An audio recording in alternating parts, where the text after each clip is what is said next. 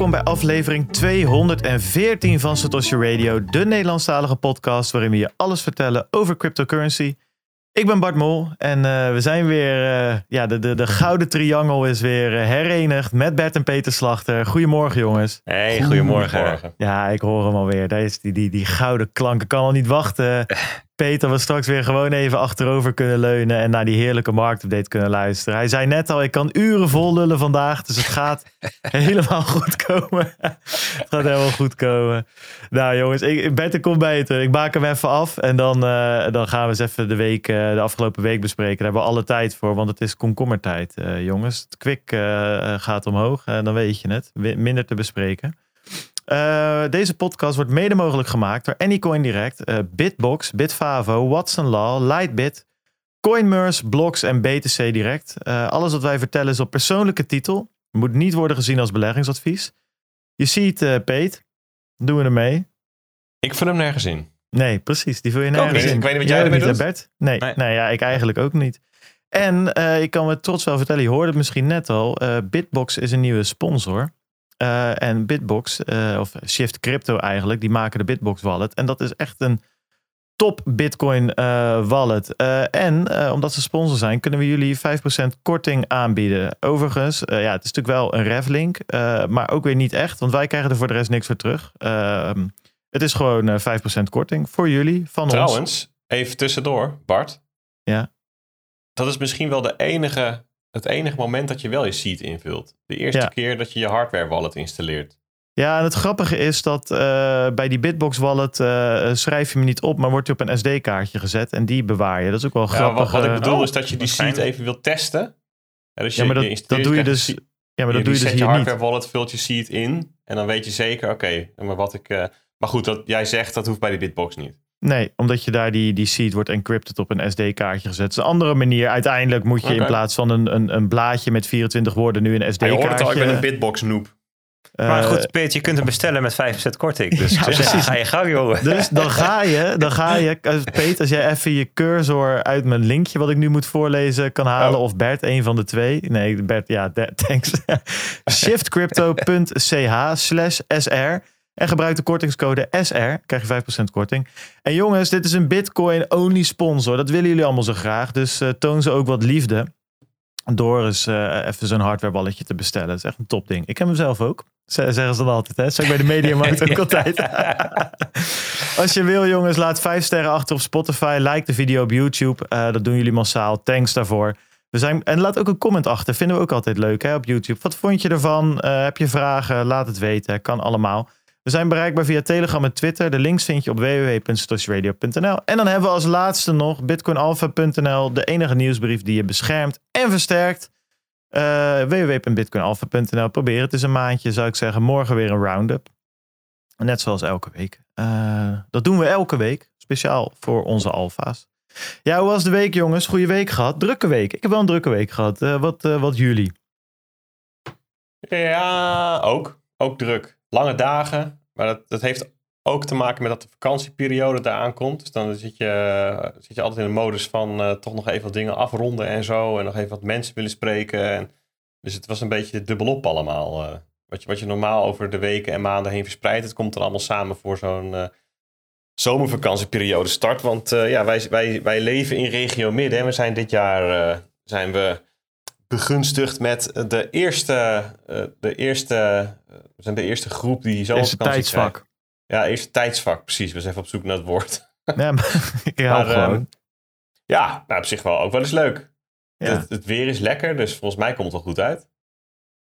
Het wordt aankomende week volgens mij hartstikke lekker weer, inderdaad. Eh, om maar even de Stush Radio weersvoorspelling er doorheen te gooien. Volgens mij stijgt het kwik richting de 27 graden na het weekend. Dus op zich ben, ik daar, eh, ben ik daar tevreden mee. Waar was jij druk lekker. mee dan?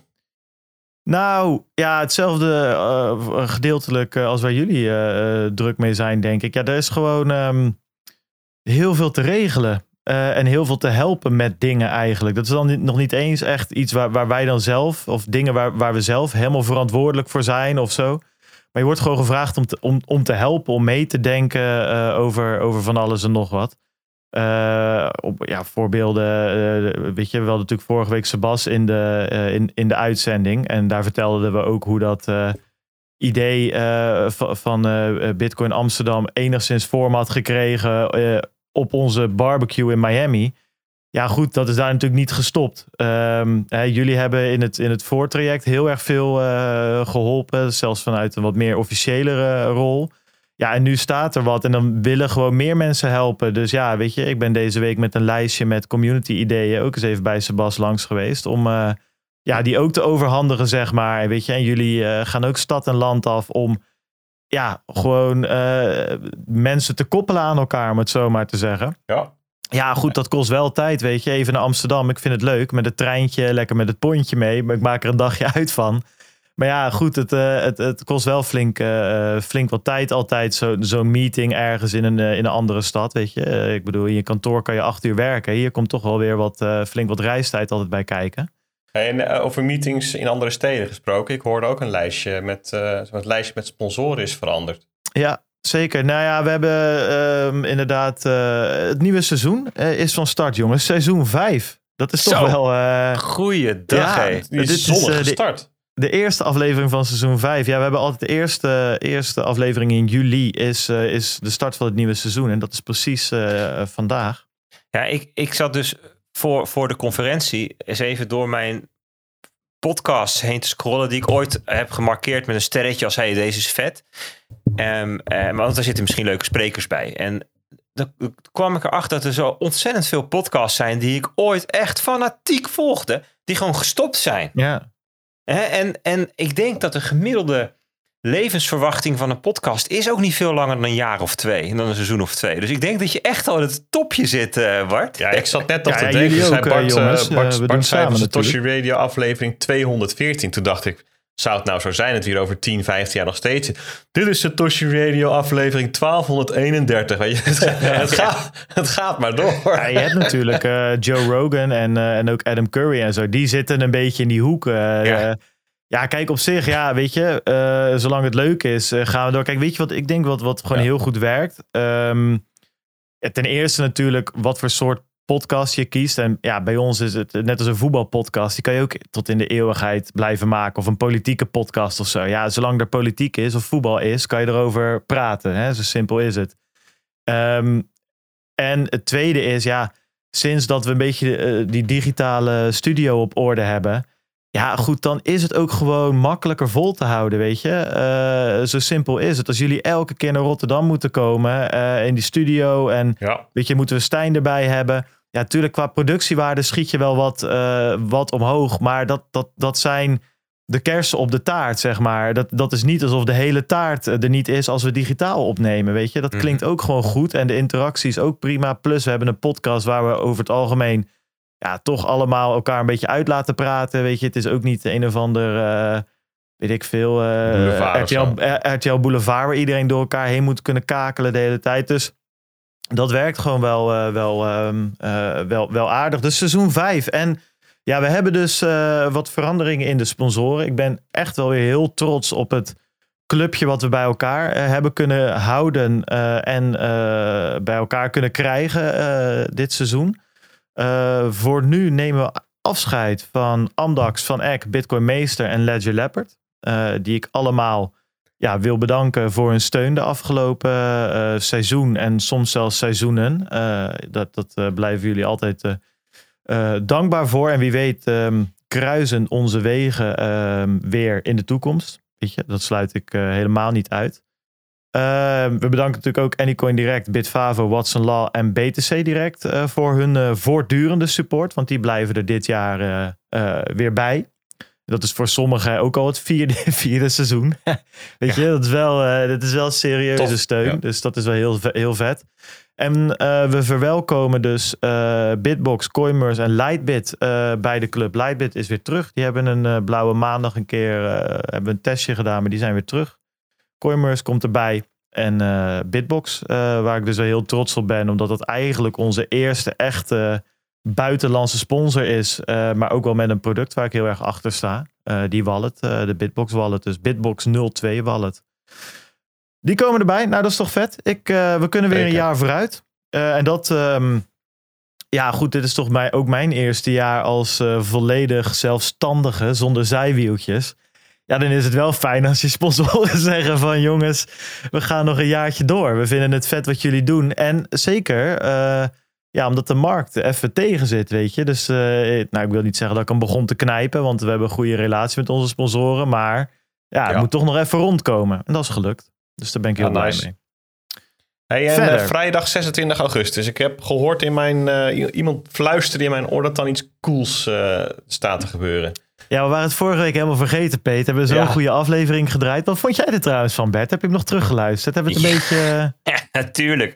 Sterker nog, toen die musical een beetje op zijn eind kwam, toen dacht ik, oh, nu kan ik nog eventjes inbellen of even meedoen. Maar goed, toen kwam er nog een, een heel lied van de meesters en de juffen en die werd bedankt en de oude raad werd bedankt. Voor het weet was het eigenlijk, toen ik thuis was, was het al voorbij. Maar ik ben meteen gaan terugkijken. Ik was vooral heel benieuwd naar hoe Peter Mark update ging doen.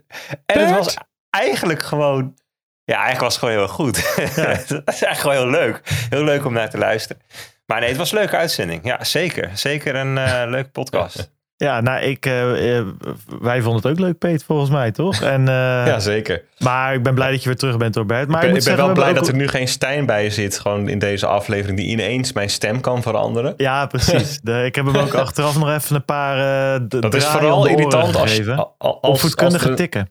Als er een stemvervormer aanstaat. En dan ben je daarop aan het inspelen. En dan gaat hij ineens weer uit. Dus Ja, precies. dus een beetje zoals je heel hard staat te zingen. En dan gaat de muziek uit. Ja, precies. Inderdaad, ja. Ja, ja, exact dat. Nee, dus, eh, maar we hebben, eh Peet, ik moet ook zeggen, we hebben goede eh, kritieken gehad. Ehm, dus dat is toch fijn, hè? In, de, in het verleden werd nog wel eens gezegd, ja jongens, je moet, jullie blijven, blijven niet serieus. Nou, dat bleven we nu wel. Dus echt, eh, dat, eh, dat, dat viel in de smaak. Anyways, eh, vrijdag 26 augustus. Ja, waren we vorige week vergeten te zeggen. Maar goed, we hebben nog genoeg tijd. Ja, de eerste Satoshi Radio Meetup, jongens. En Ja, niet vet. zomaar ergens. Vanaf vijf uur in Café de Roemer in Haarlem. We gaan gewoon een lekkere vrijdagmiddagborrel doen. Dat is het eigenlijk. Eens even kijken of daar een beetje mensen op afkomen. Ja, en gewoon de kans om, ehm, ja, om ons te spreken. Maar ook eindelijk is die andere communityleden waarmee je je dag eh, zit te vergooien op Instagram eh, of op eh, Telegram. Eh, ja, nee, het is gewoon superleuk, weet je. We hebben natuurlijk altijd een beetje die surrogaat meetup gehad. Eh, eh, althans, we gingen gewoon met z'n allen naar de fantastische Bitcoin Show meetup. Ehm, en dat meen ik serieus. Maar daar kwamen natuurlijk ook veel, ja, veel, veel mensen luisterden bij de podcast. Dus dan sprak je ook veel mensen. Maar het wordt nu tijd om zelf wat te doen. Eh, dus je kan naar meetup.com ja, meetup.com gaan. Zoek je gewoon op Satoshi Radio. Meld je aan. We hebben al 85 aanmeldingen. Ik ben benieuwd of we de 150 kunnen redden. Eh, want dan krijgen we de hele token voor onszelf. Nou goed. Eh, er is vette saté aanwezig. En er kan met bitcoin betaald worden. Het laatste randje zomer. Waarschijnlijk ook gewoon lekker weer. Dus zet hem in je agenda. Meld je ook even aan. 26 augustus in Café de Roemer. www.meetup.com. En zoek even op Satoshi Radio. Hey, maar Ja, even en- over, over community gesproken. Ja, Peter. Eh, ik stond gisteren met Bert in de, in de metro s'avonds. Ja. Van, eh, waar kwamen we vandaan? Van, eh, jij, ik dacht dat jij geen Van het- openbaar vervoer eh, nam. Van dat het geldt alleen voor de trein. Alleen de trein vind je vervelend. Ah, ja, me- metrootjes in Amst- de metro in Amsterdam is echt wel eh, ideaal. hebben wij wel het geluk dat wij vaak de metro hebben op tijden dat die niet helemaal volgepropt zit. Ja, we, we komen ook wel eens. eh, Met treinen is dat ook zo hoor, overigens. Kan je dat geheimpje wel verklappen? Die zit ook niet de hele dag vol hoor. Het wordt toch lastig hoor. Want ja, oké, dit is een konijnenhol. Moeten we daarin gaan? Ik denk Nee, het niet. nee, Ik nee, denk het nee. niet. Denk het niet. Anyway, wij, wij stonden in de metro. Het was s'avonds en wij stappen uit op eh Europaplein richting de Rijden stonden geparkeerd. Is dat nog En steeds PNR daar trouwens, of niet? Ja, Dat, ja eh, als je dan je, als je dan je? OV-kaartjes kent, dan kost het parkeren daar een eurotje. Ja, dat is goud. Maar ik las Oh, wel dat het ja. eh, gaat stoppen. Maar anyways, weer Nee, een. PNR. Ja, wel, Ja. zeker wel. Als daar weer evenementen zijn, dan staat Ja, die klopt. Maar dat is, wat ze dan doen is, ehm, als er een, eh, een heel erg groot evenement is, dus dat is de, de, boven, de buitencategorie, dan is een aantal dagen is de parkeergarage geen PNR. Dus je mag er wel gewoon parkeren en je krijgt de korting niet. Oké. Dus Korting is eh, wel voor zo. Normaal is het 30 euro of zo. Dat is echt, 28 eh, ja, voor een dag. Ja. Peet, ik ga je nu echt niet meer onderbreken. Ja, dat is gewoon een goed verhaal. Ja, ja dat, het mag, het mag. Maar er kwam toen dus gewoon een hele aardige gast naar ons toe lopen.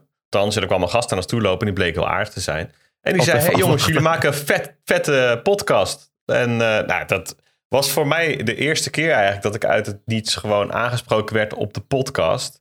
Op een willekeurig moment en op een willekeurige plek. Best. Ik Ja. dacht wel van, stel, hè, stel je bent een eh, BN'er, eh, je komt elke dag op RTL 4 of, of Nederland 1 eh, en dit gebeurt elke vijf minuten. Ik denk dat je het dan wel snel beu bent. Doet niets af aan dat Peter, hij heet ook Peter. Peter was een hele aardige kerel. Dus leuk dat je eventjes een eh, complimentje gaf. Ja, ik heb het ook één keer meegemaakt. En dan is het fantastisch. Dat is echt een soort van wow. eh, ik- weet je, ik zie cijfers. We zitten achter een scherm op te Ja. nemen. Maar blijkbaar luisteren er echt mensen. Zeg maar, ik Maar bedoel, dat, ja, vind, maar, maar dat vind ik het mooie van, eh, van de omvang die Satoshi Radio nu heeft. Dus de community nu is gewoon nog overzichtelijk. Je kunt mensen kennen. Het is, ja, tot, tot dusver de mensen die ik tegenkom zijn allemaal hele leuke, aardige, prettige mensen. Mannen, vrouwen. eh, eh, Vooral mannen ja, wel hoor, moet ik zeggen. Ja, ook wel. Maar op de, op de boeklancering Wel hele mooie mannen, dat wel. liepen, Dus dat er ook fijn. gewoon dames rond die eh, luisterden. Weet je, het, Ja, het je was niet vrouw, helemaal, het was niet helemaal een mono, monocultuur, zeg maar. Eh, maar ja, weet je, stel je hebt een, een show met, eh, weet ik veel, honderdduizenden of miljoenen mensen die luisteren. Ja, dan kan ik, dan kan je, je kunt gewoon dan niet meer zoveel mensen kennen. Of, Ah, joh, maar of- stel dat je zo'n Billie Eilish bent of zo. Dat is toch helemaal, helemaal geschift, jongen. Dat echt... eh, Dat mensen beginnen te gillen als je op straat loopt. Ja, nee, maar gewoon dat mensen altijd beginnen te gillen waar je dan ook loopt, zeg maar. Het lijkt me echt... eh, Nou ja, anyway, ik, maar het is inderdaad heel leuk. Dus als je ons een keer ergens ziet lopen, spreek ons gerust aan. Eh, doe het wel even duidelijk of zo, hè? want we zijn er niet aan gewend of zo. Ik had laatst iemand een keer die een soort van... Weet je, onder zijn adem, eh hoi Bart, mompelde of zo. Toen dacht ik, ja, maar ik liep met mijn huisgenoot gewoon een rondje door Rotterdam. Ik denk van, ja, heb je nou tegen mij... Het is niet normaal of zo. Ik ben er niet op ingesteld, zeg maar. Nee, dus eh, je moet echt even bijna... ja, echt duidelijk maken dat het, dat het dat je hooi zegt. Anyways. En over meetups gesproken, wat ook wel echt even leuk is. Ja, er gaat. Dit wordt de, de opmaat van. eh, of die, de, de, de meetup bij Jan eh, in de Roemer. wordt echt de opmaat naar meer. Want het gaat er echt aankomen, jongens. Hopelijk aan het eind van het jaar. In december een. eh, een live show van de podcast in een groot theater ergens in de buurt. Er bij jou in de buurt, hopelijk. Want het is centraal in Nederland, bij iedereen in de buurt. Eh, met een meetup eh daar achteraan. We zijn echt hard bezig om dat nu. Dat, eh, ja, we, we zijn het rond aan het maken. Dat gaat echt dat gaat goed komen. En anders fixen we een andere locatie, maar dat, dat gaat gebeuren. Daar hebben we nu ook wat meer ruimte voor, omdat we weer, nou ja, weet je, met de sponsoren weer een jaar verder kunnen. Dan kan je ook wat verder uitplannen met dit soort evenementen en her en der eh, zelf er wat meer geld in stoppen. Dus dat gaat ervan komen. December, hopelijk. Wat er ook aankomt is een nieuwe noodzaakvideo om af te sluiten. Die heb ik opgenomen. Ik ben nog even de puntjes op die i aan het zetten. Dus als het goed is, eh, ergens in de komende weken komt dat online. Laat nou ook nog weten welke onderwerpen je nog meer wil zien. Ik kreeg van de week een mailtje doorgestuurd van Peter. Ehm, eh, en die had een mailtje van een luisteraar gekregen. En die wilde graag weten eh, wanneer er een eh multisig video specifiek voor cold cards kwam. Nou, weet je, dat soort tips, daar kan ik wat mee. Stuur dat vooral op. Laat het weten onder video's. Eh, ik ben een lijstje aan het maken met onderwerpen die ik misschien eh, nog op ga pakken voor toekomstige noodzaakvideo's. Dus Mooi. graag eh, even laten weten als je een leuk idee hebt. Gaan wij over naar de donaties. We hebben deze week donaties gehad van Pimmetje Pom, Ronald en Raw Chit. En die laatste zegt, fijne podcast heren. Zelfs zonder Bert wist Bart Peter goed in het gereel te houden. Ga zo door. Nou, het valt reuze mee hoor. Die jongen, als je op de goede knoppen drukt, dan is het gewoon, dan, eh, ja, dan is, dan is, het, dan is het een topper. Dan, dan, dan, dan, dan hoef je hem eigenlijk niet in het gereel te houden. Dan houdt hij zichzelf in het gereel. Druk echter op de verkeerde knoppen. Ja, dan, eh Ja, dan, dan, ondersteboven. en jij zelf ook nog. Dat, is- Ja, dat is het unieke eraan. Ja, Ja, dat, hangen we allebei ondersteboven aan het plafond met, een- met, met een zak lees eh, hot en spicy in onze handen. Dan hebben we nog Connector World. Eh, deze week, deze week Mooi. Deep Dive into Lake Bitcoin. Aflevering 32 alweer, als ik goed geteld heb. Met Patrick Melder. En Patrick is niemand minder dan de oprichter van Bitcoin Lago. In Guatemala. of all places. Nou, waar Laptopman ze elke week weer vandaan trekt, ik vind het fantastisch. Want dit is ook weer een interessant verhaal. Hij is daar een circulaire Bitcoin-economie aan het creëren. Wil je daar nou meer over weten? Luister dan naar Connect the World op Spotify en kijk op YouTube. Is uh, Patrick de broer van uh, Rook? ja, ja, ja inderdaad. Ja, het zou mooi zijn, inderdaad. Als iemand, maar bijvoorbeeld Rogue met een G, dat, dat het meer fonetisch is. Ik hou altijd van die fonetische, net als... Uh, ja, goed, je had toch op een gegeven moment iemand die ananas heette of zo. Als. En, en, en Bo Terham, maar dan wel Bo zoals uh, ja. Bo van Ervendoorn, zeg maar. Anyways, voordat we die rabbit hole induiken, uh, gaan we gewoon naar de marktupdate, uh, Bert, denk ik. wat heb je voor ons in petto? Ja, ja wat, is, wat is er nog toe te voegen na die fantastische marktupdate vorige week van Peter? Is verder, Zit je nou een beetje indirect veren in je eigen ja, te steken? Sowieso. ja, de voordracht was niet je van net, maar de inhoud daarentegen. Ja, dat was goed. Er was echt niks van te merken. Ja. we zitten een beetje in een soort van... Uh, ja, tussenweekje of zo, rustig weekje wat, wat, wat, wat, uh, wat uh, de Bitcoin-markt betreft. Hè. Dus als je überhaupt crypto gaat, allemaal best wel uh, rustigjes zijwaarts, zeggen we dan, hè, qua koersen. Um, kijk, het is nu 7 juli. Dus sinds vorige week, laten we zeggen 1 juli, ja. Het laagste wat je dan ziet is zo 19.000 en het hoogste 20,5. Ja, dat is gewoon rustig aan, zeg maar. En, eh, en, en, en soms, nou ja, toch nog wel wat, wat, wat, wat, wat, dat je het gevoel hebt van het stijgt een beetje, weet je wel. Maar de, dat geldt niet voor alle financiële markten. Hè. Dus wat wat er nu gebeurt, is dat er van alles nog wat verschuift. En um, um, nou ja, laten we daar eerst even naar kijken. Naar wat verschuift er dan? Je zag deze week bijvoorbeeld de olieprijs um, kelderen. Even kijken of ik hem erbij kan toveren ergens hier. Oh ja, hier is die. Um, ehm, 13% in twee dagen eraf, 14% bijna. Dus van, uh, nou ja, dat, was het 111 naar het laagste punt 95 dollar. Dat, zijn, uh, dat is een flinke, flinke um, daling. De, de, de dollarkoers die stijgt ten opzichte van andere munten. Um, de dollar-index een procent of twee omhoog. En eigenlijk de, de, de, de euro die daalt daardoor dus in waarde. Hè? En je krijgt nu, even kijken, hoe zit het dan? Ja, je moest voor 1 euro uh, um, vorige week nog 1 dollar 6 betalen. En nu nog maar 1 dollar 1. En andersom betekent dat dat, je, dat de bitcoin koers in euro's en dollars inmiddels bijna bij elkaar in de buurt ligt. Hè? Dus het bijna hetzelfde is. Dus het scheelt echt heel weinig. Gisteren zat ik even te kijken naar de koers. Zag ik, hey, de, de, de bitcoin koers is 0,4% gedaald. Maar de bitcoin koers in euro's is 0,4% gestegen. Dat soort dingen kan je dan meemaken. En, en, en denk je, wat is 2%? Nou, nou ja, voor valutaparen is dat ontzettend veel. Dat zijn hele grote uh, uh, veranderingen. En die, uh, die je ook soms maanden niet ziet, zal ik maar zeggen. Dus, um, en, en als je, als je wat veel breder gaat kijken naar grondstoffen. Um, ik heb hier even een overzichtje van de afgelopen maand. Dus ten opzichte van een maand geleden Zilver 13% lager. Koper 22% lager.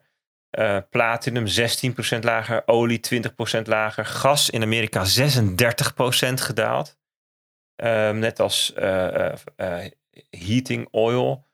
Aluminium 15%. Zink 20%. Nikkel 25%. Oké, nu komen we bij het voedsel. Dus, dus mais 20% lager. Sojaolie 30% lager. Katoen 35% lager. Orange juice. Ja, zelfs daar zijn grondstof futures van. Wow. 15% lager. Ja, ik heb bergen van uh, die Orange Juice Futures. Omdat ik anders uh, straks hele dure gele peters heb. Ja, weet je wel? Dan moet je toch hedgen. Hedgen, ja joh. Ook Bitter Lemon Futures. ja, zo simpel is het. dat is heel belangrijk. Oats, ik denk dat dat dan uh, haver is of zo, hè, 30%. Dus, dus wat je ziet um, is dat... Um, ja, dat is, dat is in de maand, maar dat nog wel even belangrijk is year to date. Hè, want we hebben eigenlijk eh, we zien het afgelopen jaar natuurlijk als een soort van. Um, uh, afgelopen half jaar moet ik zeggen, sinds, sinds begin van dit jaar, als, als waarin het allemaal geëscaleerd is. Want de oorlog en dus een energiecrisis en dus een voedselcrisis. Maar er zijn dus ook allerlei grondstoffen die year to date al in de min staan. Dus koper is nu 22% lager dan het begin van het jaar. En dat geldt ook bijvoorbeeld voor lumber. Eh, timmerhout 44% lager. Ehm, en eh, koffie eh, hè, drie- 4% lager dan begin van het jaar. En waarom zeg ik dit allemaal? Om je een beetje een beeld te geven bij wat, dat, er, dat er in de grondstoffen niet alleen maar sprake is van ja, extreme inflatie. En het wordt allemaal duurder. Weet je, want dat is natuurlijk het grote verhaal geweest. We hebben een crisis voor de energiecrisis, voor voedselcrisis, voor dit, crisis voor dat. En, en, en uiteindelijk wordt alles onbetaalbaar. Ja, en je ziet dus dat in de grondstoffen. ehm, grondstoffenmarkt, dat daar ja, die lijn niet zo recht omhoog is. En dat er zelfs allerlei producten al ten opzichte van het begin van het jaar, dus zeg maar lager staan dan voor de oorlog.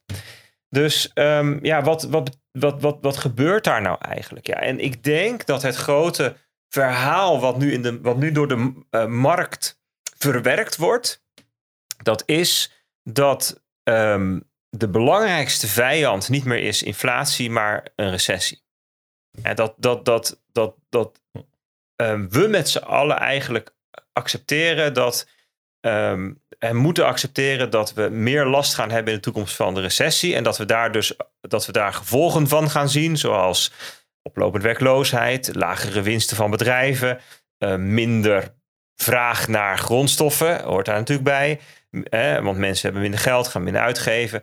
En ehm, dat daardoor, weet je, die, die, die, die koersen dalen. Want een heel groot stuk van koersen van grondstoffen is ook toekomstige vraag, die je dan daarin verwerkt ziet.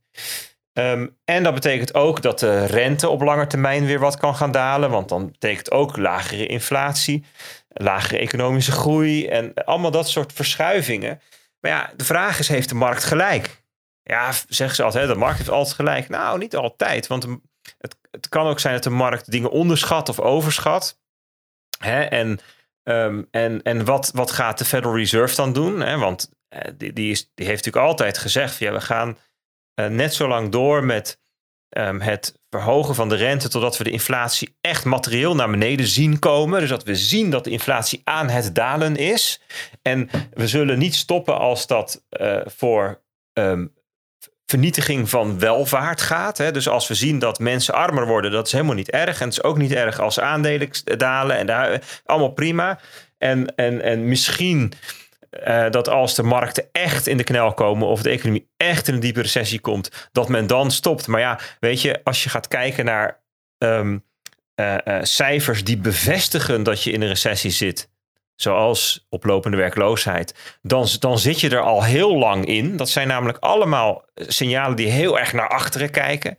Hè, zoals uh, de, de, de economische groei, hè, de GDP growth. Dat zijn dingen die kijken naar achteren. Uh, oplopende werkloosheid, faillissementen, dat soort dingen kijken allemaal naar achteren. Uh, en, en ze zeggen over de cijfers die dan naar voren kijken, hè, dus waarmee je um, een recessie wat meer kunt zien aankomen, daarvoor zeggen ze ja, weet je, dat, dat, dat, daar, dat vinden we allemaal uh, te dun, hè, daar kijken we niet naar.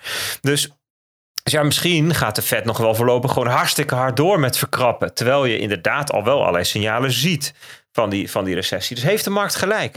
Ik weet het niet. Ik vind eerlijk gezegd, als ik die nu zie dat de aandelenkoersen allemaal ook wat herstellen, vind ik best wat aan de optimistische kant. Misschien is men daar te optimistisch. En um, hè, dus je hoort heel veel verhalen eigenlijk over van oké, dus met andere woorden, um, die grondstoffen die dalen. Met andere woorden, de, de, de inflatie gaat ook dalen. Dus de Fed zal wel gaan pauzeren. Dus er komt ook meer ruimte voor, uh, voor de aandelen. En uh, de bottom is in. Weet je wel, dat soort redeneringen. Denk ja, ja, dan ga je toch wel voorbij aan nog een stukje complexiteit. Want, want als er inderdaad um, uh, een recessie komt, dan zullen ook de waarderingen van bedrijven omlaag moeten. Want die gaan minder verdienen. En dus dan moeten die aandelenmarkten toch nog verder gaan dalen. Hè? En, um, en, en is het wel zo dat de Fed inderdaad wat gaat, gas terug gaat nemen? We, moeten we nog wel even afwachten. Hè? En, en als inderdaad de recessie daadwerkelijk ook de reële economie en de reële uh, uh, bevolking raakt. Dus niet een, een paar mensen, maar echt breed. Uh, dat iedereen het merkt. Peter en ik zei het nog gisteren tegen elkaar. We liepen door Amsterdam. Nou, hier is van de recessie nog weinig te zien, jong. Iedereen met tassen van de bijenkorf en allemaal shoppen, weet je wel. Maar ja, stel dat mensen op een gegeven moment denken... ja, oei, ik, ik, ik, ik ga echt even bestedingen uitstellen... want ja, het, het ziet er allemaal niet goed uit, weet je wel. Um, ja, maar dan moet je voor de gein ook eens het pontje naar Noord nemen, weet je. Dan, um, ja, dan, dan zie je Dan zie je vrij al, snel. bedoel Ja, nou ja, weet jij, nou is Noord ook Noord. al- Weet je, dat is natuurlijk altijd een beetje eh, het, het, het ondergeschoven kindje van Amsterdam geweest. Maar weet je, daar, daar zijn genoeg tekenen te zien dat ook mensen het al- nu al zwaar hebben, zeg maar. Dus, eh, maar kleine aanvulling, ja, hoor, ja. dus niet... eh, Nee, ja, maar goed. Dus kijk, het punt is ook in Nederland, hè, van, er ging dan het Kamerdebat afgelopen week over van 1,2 miljoen mensen komen echt in, de, echt in de knel door de hoge energieprijzen en de stijgende voedselprijzen. Hè. Dus in Nederland is de voedsel zo'n beetje 10 tot 15 procent duurder dan een jaar geleden. Ehm, en eh, energie nou, veel duurder. En bij energie hangt het ook heel erg af van je situatie. Dus is je huis knettergoed geïsoleerd en eh, weet ik veel, dan is het minder dan als je nog een oud huis hebt. En staan je prijzen, als je tarieven vaststaan voor drie jaar, heb je er ook minder last van en zo. Maar 1,2 miljoen mensen, en Pieter Omzicht die maakt zich er wel sterk voor en zo, weet je wel.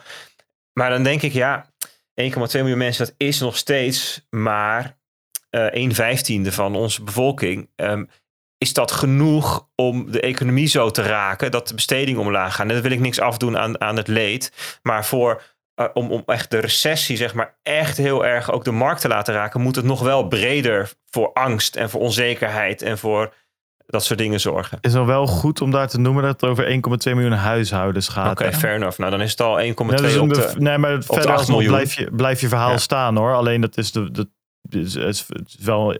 Zit- Nou ja, ja, dat- maakt een verschil, laat ik het zo zeggen. Ja, dat komt dan meer inderdaad. Daar hebben punt, maar dan, dan, dan wordt het al wel materiëler.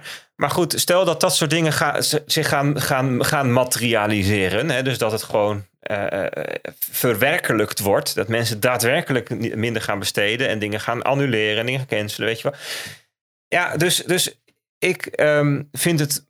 Ja, we hadden het daar volgens mij twee weken geleden of zo over. Hè. Er zijn ehm, ehm, steeds meer plausibele toekomstscenario's. Zijn steeds meer, als je gaat kijken van op wat voor soort manieren kunnen dingen zich ontwikkelen. Hè? A-pijltje, B-pijltje, C. Hè? Dus verschillende eh, ge- gevolgtrekkingen. Ja, dan zijn er allerlei routes die heel goed onder, te onderbouwen zijn of verdedigbaar zijn. Of waar, waar, waar aanwijzingen voor te vinden zijn. Waar onderbouwing bij is.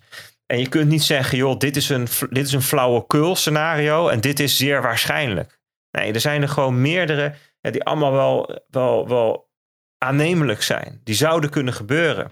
En daarbij, dat komt ook omdat er ehm, die complexiteit is zo groot. Ehm, het heeft te maken met geopolitieke ontwikkelingen. Eh, wat gebeurt in China? Wat gebeurt er in Rusland? Eh, wat gebeurt er tussen, eh, dus de sancties in Europa? Allemaal dat soort zaken. Het heeft te maken met ehm, eh, verhoudingen tussen munten wereldwijd. Ehm, eh, met eh, gedrag van ehm, centrale banken. Eh, even heel even tussendoor. Hè. Dus je, hebt- je hebt het over. Ja, de centrale banken zijn allemaal aan het verkrappen. Maar ja, in Europa hebben ze alweer een soort van nieuwe soort QE bedacht om Italië te redden. En in Amerika wordt alweer gesproken over een soort van. Eh, ehm, eh, eh, helikoptergeld om, om de, gasprijs, de benzineprijzen omlaag te brengen. En ja, ze zijn allemaal daar ook tegenstrijdige signalen. Er zijn allerlei hele grote thema's waar, je meerdere, waar het meerdere kanten op kan. En, daar, en dan, dan is het vaak zo dat, dat als het een bepaalde kant op valt, dan, dan, dan verandert je scenario niet een beetje, maar heel erg. En daarom is het zo onvoorspelbaar. Dus ehm, ja, dat is, dat is denk ik waar de markt in het algemeen ook ehm, eh, eh, nu wel in zit. In een situatie van ja, weet het gewoon eigenlijk niet. Hè? Dus de mensen die op hun handen blijven zitten en zeggen, joh, ik wacht het eerst even af. Ja, daarvan kan je zeggen, ja, misschien mis je een kans. En de mensen die zeggen, ja, nee, ik ga nu, ik ga nu eh, instappen in tech-aandelen. Ja, misschien ben je veel te vroeg. Hè? En de mensen die zeggen, ja, maar weet je wat, ik, ehm, als dit gaat gebeuren, dan ga ik deze positie in obligatie innemen. Of, hè, bijvoorbeeld ehm, eh, de, de, de, de lange termijn obligaties. Ja, misschien ben je te vroeg, misschien ben je te laat. Weet je, het is allemaal heel moeilijk om, eh, om daar met zekerheid dingen over te zeggen. Dus dat is denk ik gewoon ehm, de ja, kille conclusie. Mijn in ieder geval, van ja, er is gewoon veel onzekerheid. En ehm, dat, is, dat, is, dat, is, dat is op zichzelf ehm, gewoon een, een constatering. Ja, gaan we dan even naar crypto, naar bitcoin. Ik moet zeggen, ja, even over crypto in het algemeen, dat ik vind dat andere crypto assets dan bitcoin ook nog erg sterk blijven over het algemeen genomen, als je dat vergelijkt met andere bearmarkten. Ook dat is een, een, interessant, een gegeven. Wat betekent dat nou?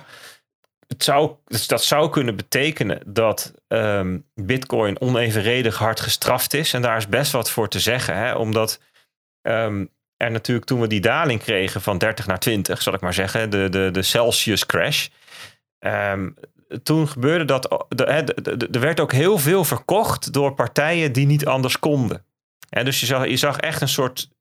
ehm, eh, ja, long squeeze zou je kunnen zeggen. Hè? Dus mensen die Bitcoin in bezit hadden, die ehm, gedwongen werden door de omstandigheden om te verkopen. En die omstandigheden die, die, die hebben ze vaak zelf gecreëerd. Hè? Bijvoorbeeld miners die eh, Bitcoin in het verleden op de balans lieten staan, hè? dus niet verkochten, maar geld leenden voor hun uitgaven.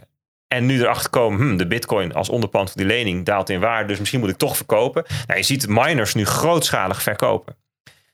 De Three Arrows Capital hebben we het natuurlijk over gehad. Celsius, Voyager. Nou, je kunt een hele lijstje opnoemen van bedrijven Komen die straks risico... nog redelijk uitgebreid eh, op terug. Goed, gaan we straks horen hoe dat precies zich ontwikkelt. Ja, het zijn allemaal partijen die moeten eh, noodgedwongen verkopen. En als je gaat kijken naar Bitcoin specifiek, wat daar gebeurt aan activiteit. Ik vond het eh, wat dat betreft de, de eh, analyse van Glassnode deze week wel mooi. Zijn, hun titel was, ehm, of nou, de titel is niet zo mooi, maar ze zeiden de toeristen zijn weg. De toeristen zijn weg en ehm, de bewoners zijn over. Volgens mij, ja, dat, ik, ik was in, eh, een paar weken geleden in Rome. En ehm, nou, wij gingen heel vroeg gingen we dan de stad in. Samen met mijn oudste zoon, was ik daar een paar dagen. En we gingen om zeven uur 's ochtends waren we bij de Sint-Pieter. was heerlijk rustig. En, en het werd natuurlijk steeds later. En op een gegeven moment liepen we eh, door de stad om 11 uur, 12 uur. En het was druk, jongen. Druk. Niet te geloven. Zo ongelooflijk veel toeristen. En dus sprak ik op de luchthaven op de, weg, op de weg terug. Ik, moest, ik heb 12 uur gewacht op de luchthaven. En er sprak een kerel, eh, een gozer, die had, daar, had, die had zijn afstudeerfeestje daar gehad. En hij zegt, ja, ik ben al veel eerder afgestudeerd. Alleen dat was elke keer uitgesteld door corona. Want hij heeft daar namelijk zijn, hij, zijn afstuderen gedaan tijdens in de coronatijd. Hij zei, ja, ik liep gewoon door een lege stad. Ik was de enige bij de Trevi-fontein. Ik was de, met, met z'n vieren in de Sint-Piet, weet je wel. Ja, geweldig. En zo moet dat denk ik eh, dus voor de bewoners voelen... als de toeristen weer weggaan, dan is de stad weer van jou. Een beetje dat gevoel. Nou, dat hebben we dus nu bij Bitcoin. De toeristen Zeiden zijn die weg. Amsterdammers eh, ook eh, trouwens over... eh, die een beetje in, de, ja. in, de, in, de, in de binnenstad wonen. Van joh, ik kan opeens naar de Dam of zo, weet je. Ja. ja. Precies. Nou, dat, inderdaad, in Amsterdam is het ook weer echt, echt joh, eh, druk af. Maar ehm, eh, ja, goed, dus, weet je, er zijn ook weer een heleboel mensen die leven van het toerisme. Hè? Dus het heeft natuurlijk al twee kanten. Ehm, en dat geldt voor Bitcoin trouwens ook. Er zijn ook allerlei bedrijven die leven van de toeristen, van de speculanten en de, de noobs. Maar ehm, ehm, ja, de toeristen zijn weg. Hè? Dus, dus de mensen die, die even aankwamen waaien en dachten: oh, weet je, ik. ehm, nu, nu koop ik wat en dan word ik morgen ben ik schat hemeltje rijk. En eh, weet je, die gewoon random iets kochten, die zijn weg. Hè? Dus wat, wat, het, wat er overblijft zijn de hodlers. Ehm, en dat zegt wat over de activiteit. Ze onderbouwen dat met allerlei indicatoren die wat zeggen over de activiteit op het Bitcoin-netwerk. Het aantal nieuwe adressen zit op een heel laag punt. Het aantal actieve entiteiten, eh, de, groei van de entiteiten, aantal transacties. Ze zeggen allemaal van dat soort indicatoren die wijzen erop dat je nu in een ja, in, in een luwe periode zit. Waar weinig activiteit is. En dat hoort bij bearmarkten. Dus dat is ook normaal. is niet gek. Het is ook niet uitzonderlijk. Het is ook niet ehm, ehm, eh, zo erg dat je je zorgen... Het is ook niet zorgelijk. Hè? Je hoeft geen zorgen te maken. Maar ja, het, het zegt wel wat over de omstandigheden die we nu zien. En als je dan gaat kijken wat de mensen die over zijn doen... Ja, dat is sick. Hè? Dus de... de ehm, eh, de, de, de club, hè, je kunt dat mooi in cohorten opdelen. Hè? Dus de mensen die minder dan één bitcoin bezitten, dat zijn dan de shrimps. En degene die meer dan eh 10.000 hebben, zijn de whales of zo. Weet je, zo hebben ze allemaal van die namen ervoor. En dan zie je dat die hele grote bitcoins, meer dan 10.000 bitcoin, dat die nog steeds eh, heel veel bitcoin kopen. En dat de shrimps, dus mensen met minder dan één bitcoin, dus eh, de entiteiten minder dan één bitcoin, die ook heel veel kopen. Sterker nog, al die shrimps, al die garnaaltjes bij elkaar, die kopen 1,4 keer wat er aan nieuwe bitcoin in omloop komt. Dus, dus, dus hè, 900 bitcoin per dag. Die shrimps bij elkaar, die kopen dus al 1,4 keer die 900. Dus alleen die shrimps, die halen al de hele issuance eh, uit de markt. Nou, en die whales, die doen dan ook nog een boel. En wie verkopen er dan? Ja, dat zijn dus de partijen daartussenin. Ja, en daar zit dus veel ook aan gedwongen verkoop. Er zitten niet mensen die zeggen, nou, eh, ehm, eh, voor, voor mij is nu ineens alles anders vandaag. Eh, weet je, nee, er zitten allerlei mensen tussen die erin geloven. Maar, maar, maar die niet anders kunnen dan verkopen. Omdat ze gedwongen worden door de aandeelhouders, de omstandigheden, door hun onder water staande leningen, door liquidaties, door dat ze failliet zijn, door whatever.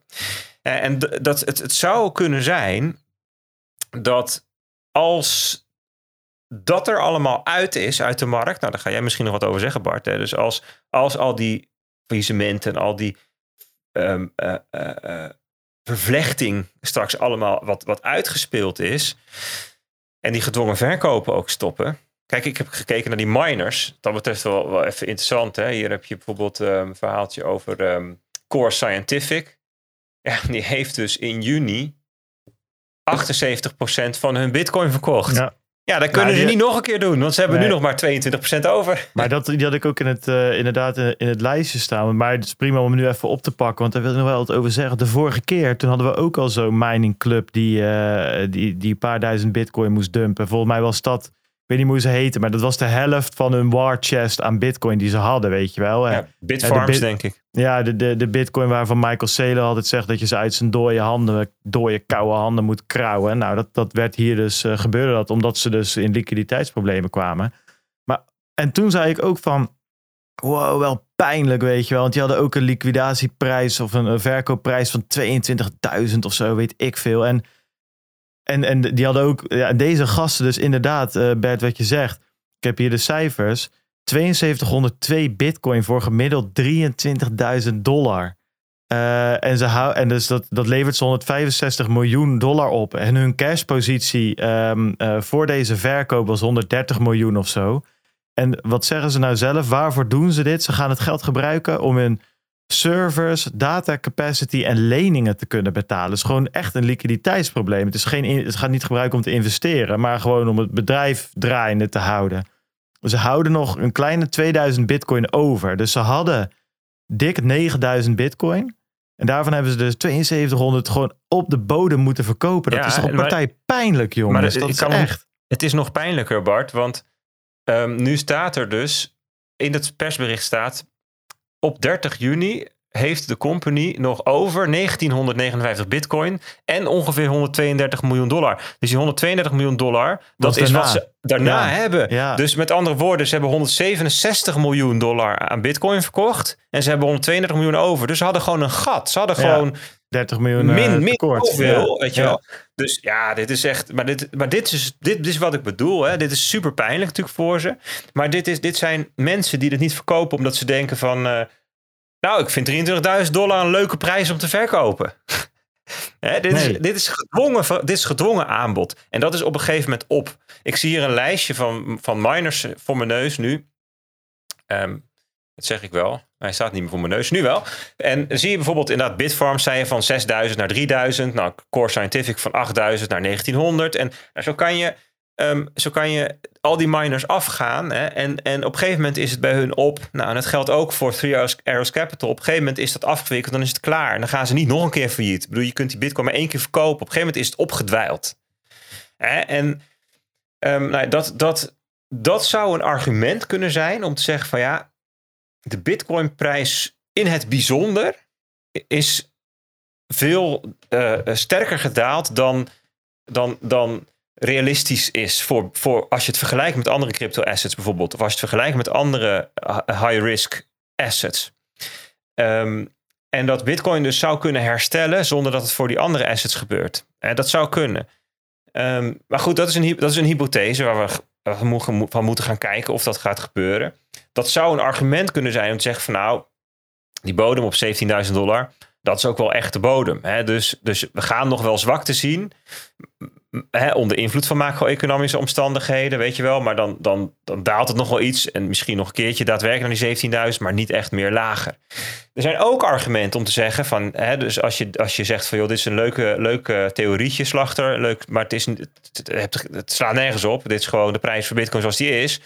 En als je dan historisch gaat kijken, ja, dan is het helemaal. eh, eh, dan, zijn, dan zijn we het met je eens dat dit eh, wel rond de fair value is. En dus hij is niet overgewaardeerd, niet ondergewaardeerd. Dat is prima zo. Maar de historie leert ons dat dingen die op fair value zitten, onder druk prima nog een keer door de helft kunnen. Gold ook voor de aandelen rond het jaar 2000 en in 2008. Dat kan gewoon best gebeuren. Dus het kan best zijn dat als er nu toch nog echt druk op wordt gezet, uh, vanuit macro-economische uh, of geopolitieke gebeurtenissen bijvoorbeeld, um, dat, er, dat ook de Bitcoinprijs nog gedeeld door twee gaat. Dus dan heb je weer twee verhalen die je allebei best zou kunnen onderbouwen met data, met argumenten. En um, ze zijn allebei plausibel. Dus het ook voor de Bitcoin-markt geldt dat er um, dat je. Dat je dat er verschillende scenario's te bedenken zijn die heel ver uit elkaar liggen, maar die, waar, die allebei goed te onderbouwen zijn. En dat maakt het dus lastig om, ja, bijvoorbeeld om uh, echt te traden op, op termijn van weken en maanden. Want in die weken en maanden speelt zoiets zich, zich, zich af. Um, ja, dus dat is een beetje hoe ik nu naar de markt kijk. Gewoon ja. ook veel die onzekerheden benoemen, want die zijn er gewoon. Die zie ik veel nu.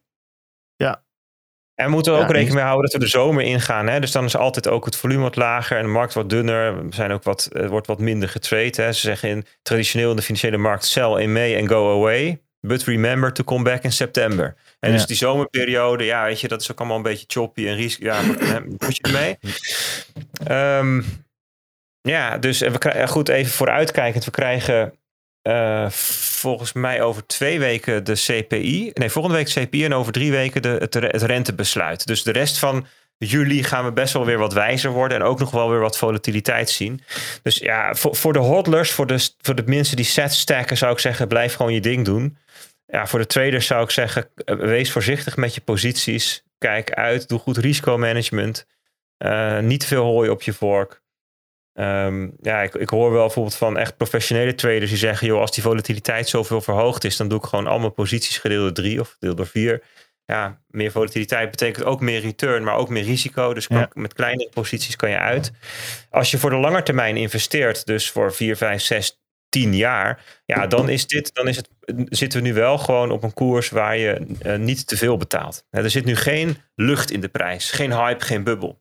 Ja, kan het lager? Sure. Kan ook nog gedeeld 2, maar je, je betaalt nu niet te veel. Het is nu niet, uh, je betaalt niet voor de boelmarkt. Ja, en daar hebben we het ook vorige week nog even in, die, in de live show over gehad. Uh, daar kwam uh, wat handige tips uit dat, uit dat boek wat ik toen aanraadde. The Psychology of Money.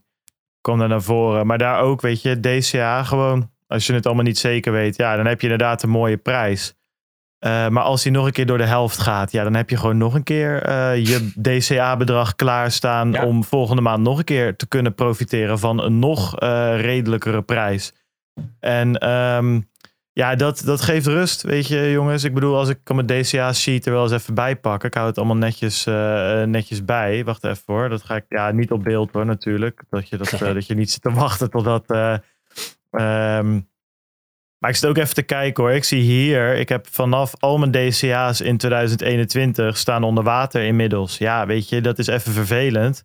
Maar ik heb ook alweer aan de onderkant van de lijst een paar DCA's die ik gedaan heb in juni, eind juni, dus eind vorige maand. Ja, die staan weer 10% in de plus. Ja, en wie weet gaan die ook alweer onder water. Weet je, dat is op korte termijn ook allemaal niet zoveel van te zeggen. Maar het fijne is dat het uiteindelijk, als ik naar mijn bovenste rijtje kijk, dus vanaf 2019 tot aan 2020 ja, die staan wel nog steeds allemaal in de plus. Tuurlijk minder dan dat ze stonden, maar ja, dat trekt het allemaal een beetje recht. Um, ja, goed, dus dat, uh, dat werkt voor mij heel goed. En dat komt ook in de noodzaakvideo terug, jongens. Uh, DCA en hoe je dat het beste kan automatiseren. Dus um, nou goed, dan volgende week als die live staat, dan gaan we eventjes duren. Zal ik het even nog een keer vertellen. Hey, de, dat uh, aanvullingen Bert, dat was hem. De, de markt deed denk ik pak een beet.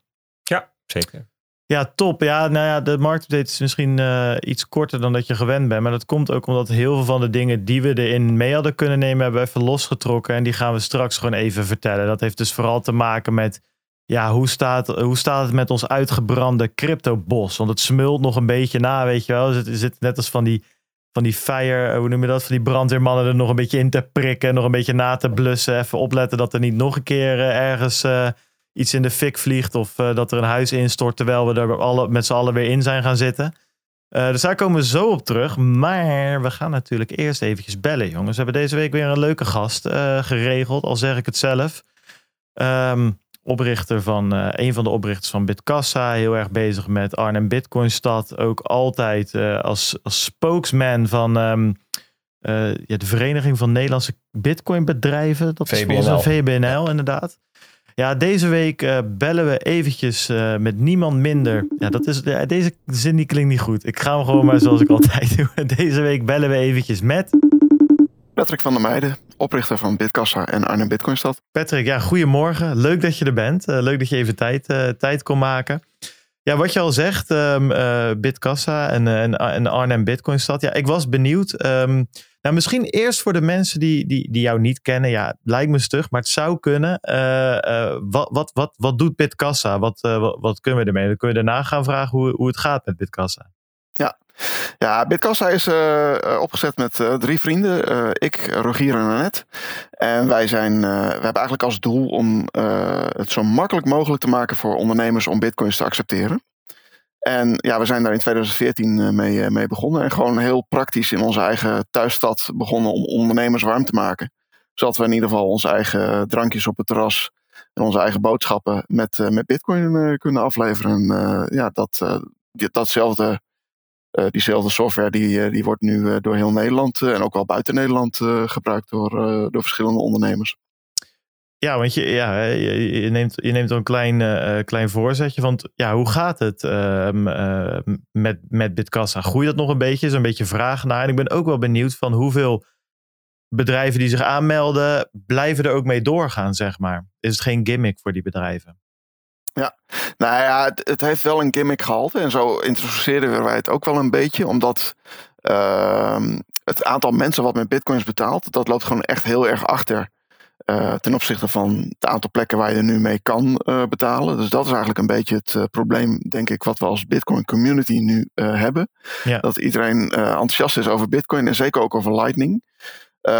Maar eh, ja, mijn oproep is dan ook gewoon, ja, gebruik het ook gewoon. Koop gewoon een paar extra eh sats. Eh, niet, niet gewoon aan je spaargeld komen wat je in bitcoins hebt. Gewoon lekker hoddelen. Dus het, het hoddelen, dat staat er ook los van wat mij betreft.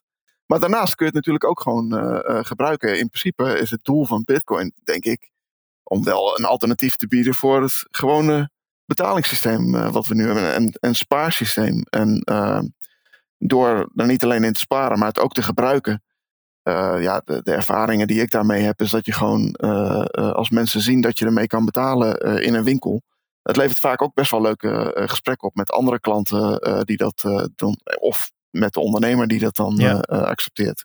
Dus dat is gewoon een hele leuke, hele leuke ervaring.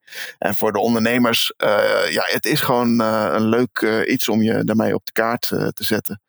Eh, we hebben trouwens ook echt een, letterlijk een kaart op de website van Arnhem Bitcoinstad. Eh, als je dan uitzoomt op de kaart, kun je in heel Nederland zien eh, waar je met bitcoins kan betalen. Dus als je nu luistert en denkt van hé, hey, misschien zit er bij mij in de buurt ook al een café of een boekhandel of whatever.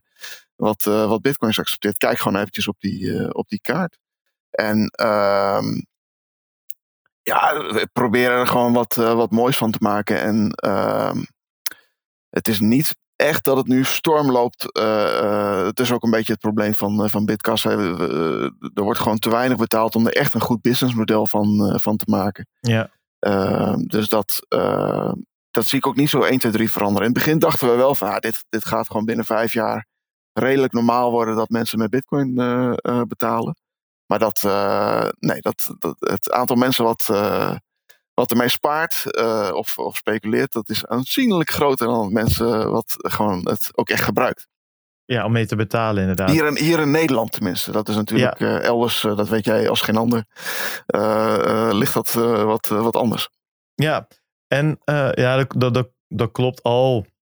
Zag je ook in El Salvador zijn ook wel onderzoeken gedaan waar ook wel uit bleek dat, eh, ehm, ehm, dat, dat ook daar mensen toch wel, ja, dat, dat het speculeren, dat dat eh, wat, wat verder voorop ehm, loopt dan, dan, dan het betalen inderdaad. Ehm, maar wat, wat ik nog wilde weten, weet je, hebt, eh, ja, heb je cijfers, eh, statistieken? Ik ben wel benieuwd hoeveel, hoeveel ja. ja, o- o- of je daar iets over kan zeggen, het aantal ondernemers of dat, dat soort dingen. Ja, het aantal ondernemers heb ik even niet. ik- Volgens mij eh, richting de duizend in ieder geval. Ik denk Ja, misschien ja, ja. 900 of iets, in die, eh, iets, in die, eh, iets van die strekking. En het aantal betalingen wat daarmee plaatsvindt, eh, eh, dat is echt eh, minimaal eh, ten opzichte van het aantal ondernemers wat, er- wat er zijn. De enige momenten dat, je, eh, dat wij wel echt eventjes wat, eh, eh, wat activiteit eh, eh, zien. Eh, is eh, als er van die eventjes eh, georganiseerd worden waar je dan met een groep mensen bent en waar je dan met bitcoins kan, kan betalen. Daar heb ik wel een, een, een, een lijstje van paraat als je dat leuk vindt om. Ja, nee, dat is superleuk. Ik heb niet helemaal compleet, maar ik- toen we begonnen met Arnhem Bitcoin Stad hadden we een soort kroegentochtje in Arnhem.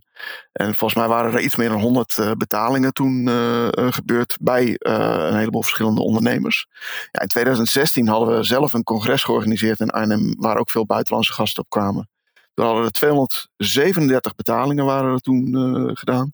Bij 27 verschillende ondernemers in Arnhem op één dag. En in juli 2019, toen had je het Breaking Bitcoin congres in, eh, in Ja. Amsterdam. En bij Amapodia waren er toen 132 betalingen, eh, waarvan 108 via Lightning. Dat was eigenlijk ook het eerste grote eventje waar je met Lightning kon eh, betalen. En nou, in, in o- 27 oktober 2021, toen was in Libres Voorhoeven de, de boekpresentatie van Ons Geld is Stuk. Nee, dat was toen weer een eh, record met 195 eh, betalingen, waarvan 191 via Lightning. ook En ja. ja. de, de top tot nu toe, dat is de meetup in eh, Blast Galaxy geweest op 11 november in 2021. Eh, toen hadden we eh, 418 betalingen op, op één avond, waarvan 416 via Lightning.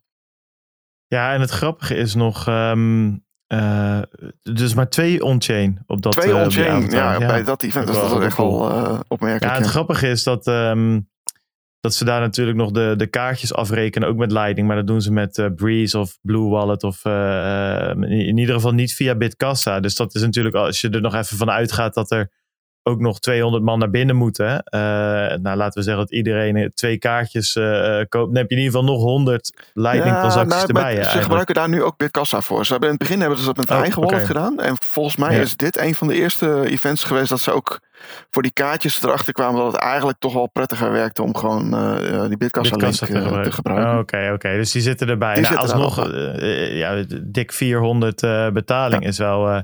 eh is sick. Ja, hopelijk als we bij Jan natuurlijk... Ik wou er net eh, over beginnen. eh, 26 eh, augustus, mensen. Ja, dan gaan we toch eens even proberen daar nog, eh, daar nog overheen te komen. Dus als je een rondje bier gaat halen, dan eh, zes keer los afrekenen. Nee, we gaan het wel gewoon eh, eerlijk, eh, eerlijk, ehm, eerlijk, eerlijk proberen te doen. We hebben daar natuurlijk geen, eh, geen entree of andere tickets. Dus ja, we, we- we gaan het zien. Ik, ik, ben, eh, ik, ben, ik ben erg benieuwd.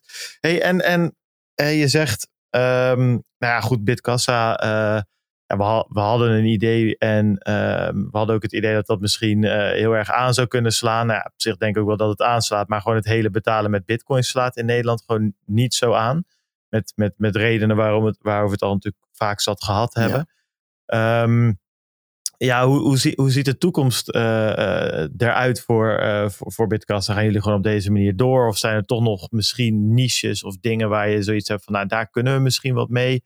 Misschien online zit ik nu te Ja. denken, een eh, soort van webshop eh, hosting-achtige ideeën? Of kijken jullie daar tegenaan? Ja, nou, we hebben ook eh, voor, voor webshops hebben we ook al een API die gebruikt kan worden. En we hebben wat, wat verouderde plugins. We gaan binnenkort wel eventjes daar wat aan doen ook.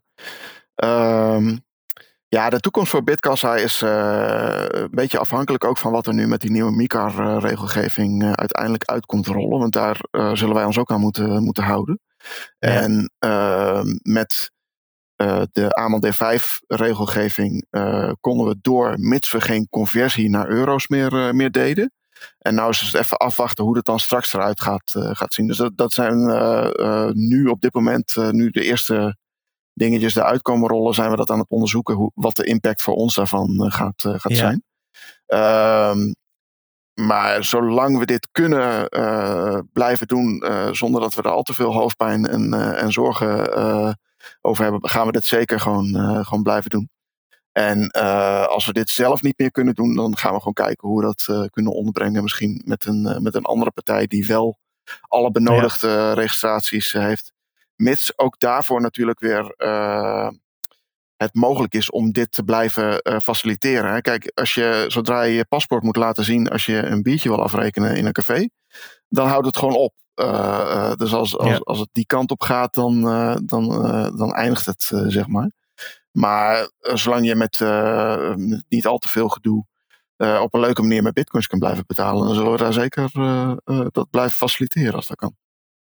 Ja, nou, dat is een. eh, ik dacht, gaat hij nou toch nog even naar een doemdenkerig eh, einde van dit interview? Nee, Nee, het nee, is nee, toch. eh, we, eindigen, we eindigen op een high note. Ja. Hey, en als, eh, als er naar ondernemers zitten te luisteren, die hebben zoiets van: nou, ik, ik, wil dat wel. Waar moeten ze heen? Waar kunnen ze naartoe? Wat moeten ze doen? Sturen, e-mails, websites? Wat is handig? Ja, als je gewoon naar de, de Bitkassa NL eh, website gaat, bitkassa.nl, en daar het formuliertje invult voor het accepteren van bitcoins, dan, dan hebben we meestal vrij rap een account voor je, voor je aangemaakt. En dan eh, eh, kun je van start eigenlijk. Dat, eh, zo simpel is het. Nou, super. bitkassa.nl, dus dames en heren. En nou ja, Patrick, thanks dat je er even, even was. Altijd Ja. gezellig om even te- bij te praten. En, en ik denk tot op de meetup, als het goed is. Nou, goede show. Is goed, oké. Hoi, hoi. Dat was onze vriend Patrick van der Meijden. Altijd leuk om hem even weer, eh, om hem weer even te spreken. En eh, nou, we hopen dat eh, Bitkassa nog een lang, een vrolijk en fijn leven beschoren is. We zeggen dat het toch beschoren is, of, of niet? Toen jij het zei, dacht ik van ja, zo, zo zou het wel moeten Kunnen zijn, klinken, maar misschien Maar- is het toch ook anders. misschien is het wel niet be- beschoren. Nou ja, goed. We hopen dat ze gewoon nog lang door kunnen gaan. Laten we het, daar, eh, laten we het daarop houden. Fantastisch initiatief. Wil je Ja, proberen het is- trouwens? eh, het is zo. bij, bij Jan, hè? Oh, het is, het is ook nog goed Ja. ook. Ja. Bij Jan, de 26e, hè, kan je gewoon eh, betalen met Bitcoin en Lightning. En eh, dat eh, gaat via Bitkassa. Het werkt als een trein. Gaan wij het eens even hebben over die eh, grote cryptobrand waar we het net over hadden. Die bosbrand. Onze geliefd, ons geliefde cryptobos. Althans, delen daarvan. Stond natuurlijk in de fik. En eh, nou ja, goed, het is natuurlijk de, de, de, de, ja, noem je dat? De beeldspraak die we een aantal keer gebruikt hebben om te kunnen beschrijven eh, wat er nou gebeurde de afgelopen weken toen alles in de fik vloog eh, en, en in elkaar stortte. En eh, nou ja, goed, de bosbrand hebben we het over gehad. Er was veel doorhout. En dat is nu verdwenen. Althans, daar zitten we nog middenin. Daar hebben we het ook vorige week of de week ervoor hebben we dat ook nog even aangehaald. Van ja, jongens, is dit nou de bodem, ja of nee? Dat was twee weken terug in de marktupdate van Bert. Van is dit nou de bodem? Ja, weten we ook niet precies. Want ja, voordat je het weet, dondert er nog iemand eh, in elkaar, omdat eh, iemand anders weer een lening niet terug kan betalen. Deze week is daar toch weer ja, de rook een beetje opgetrokken. Eh, nog niet helemaal hoor. We zijn niet in de kleer, denk ik. Al denkt Sam Bankman-Fried er anders over. Ehm, maar er is toch alweer wat duidelijk geworden. Laten we gewoon eens even chronologisch een en ander eh, af gaan lopen en breken. vooral in jongens, als we ergens eventjes eh, wat dieper in, in moeten gaan. Of als jullie daar wat over te zeggen hebben, aanvulling hebben. Maar dit is even de, de chronologische tijdlijn. Vorige week woensdag. eh, ja, dat zat eigenlijk in de podcast van vorige week. Maar we hebben het er niet over gehad. Dus ik neem hem nu even mee, omdat het belangrijk is. 29ste. Eh, toen besloot de rechter, volgens mij de rechter ergens in de Cayman-eilanden of zo, omdat eh, Three Arrows Capital daar zit. eh, die besloot dat Three Arrows Capital vanaf nu 3AC verplicht is om hun assets te verkopen om hun schulden dus te, kunnen, te kunnen betalen. Want die hebben ze, of hadden ze. Nee, die hebben ze nog steeds trouwens. Ehm, vorige week donderdag toen ging opeens het gerucht dat FTX van Sam Bankman-Fried dus maar 25 miljoen zou gaan neerleggen om BlockFi over te nemen. Eh Zack Prince, die maakt, en dat is de CEO van BlockFi, die maakt korte metten met dit gerucht op Twitter. Ehm, en even voor duidelijkheid, hè, dit overnamegerucht, dat kwam dus bovenop eh, het nieuws, dat wat we wel hebben behandeld twee weken terug of zo, eh, dat FTX dus een lening had gegeven van 250 miljoen aan BlockFi. eh, zodat ze ehm, ja, goed, niet in de problemen zouden komen. Dat hebben we toen gezegd. Toen zeiden we al van het zal ons niks verbazen als hier een addetje onder het gras zit. En nou ja, goed, daar kwam dit dus uiteindelijk uit. Dat, dat Sam Bankman-Fried dus eigenlijk die lening had gegeven met allemaal kleine lettertjes erin. Om uiteindelijk dus voor een schijntje dat hele platform over te kunnen nemen. Het is overigens niet de eerste keer dat hij dat flikt. Dus eerst een lening aan een bedrijf geven om ze daarna over te nemen. Heeft hij voor mij ook een keer met een of ander Japans trading-achtig bedrijf gedaan. Sterker, het zou me niets verbazen dat hij ehm, links of rechtsom betrokken is bij, ehm, ja, bij de teneergang zeg maar, van, eh, van al die lenders.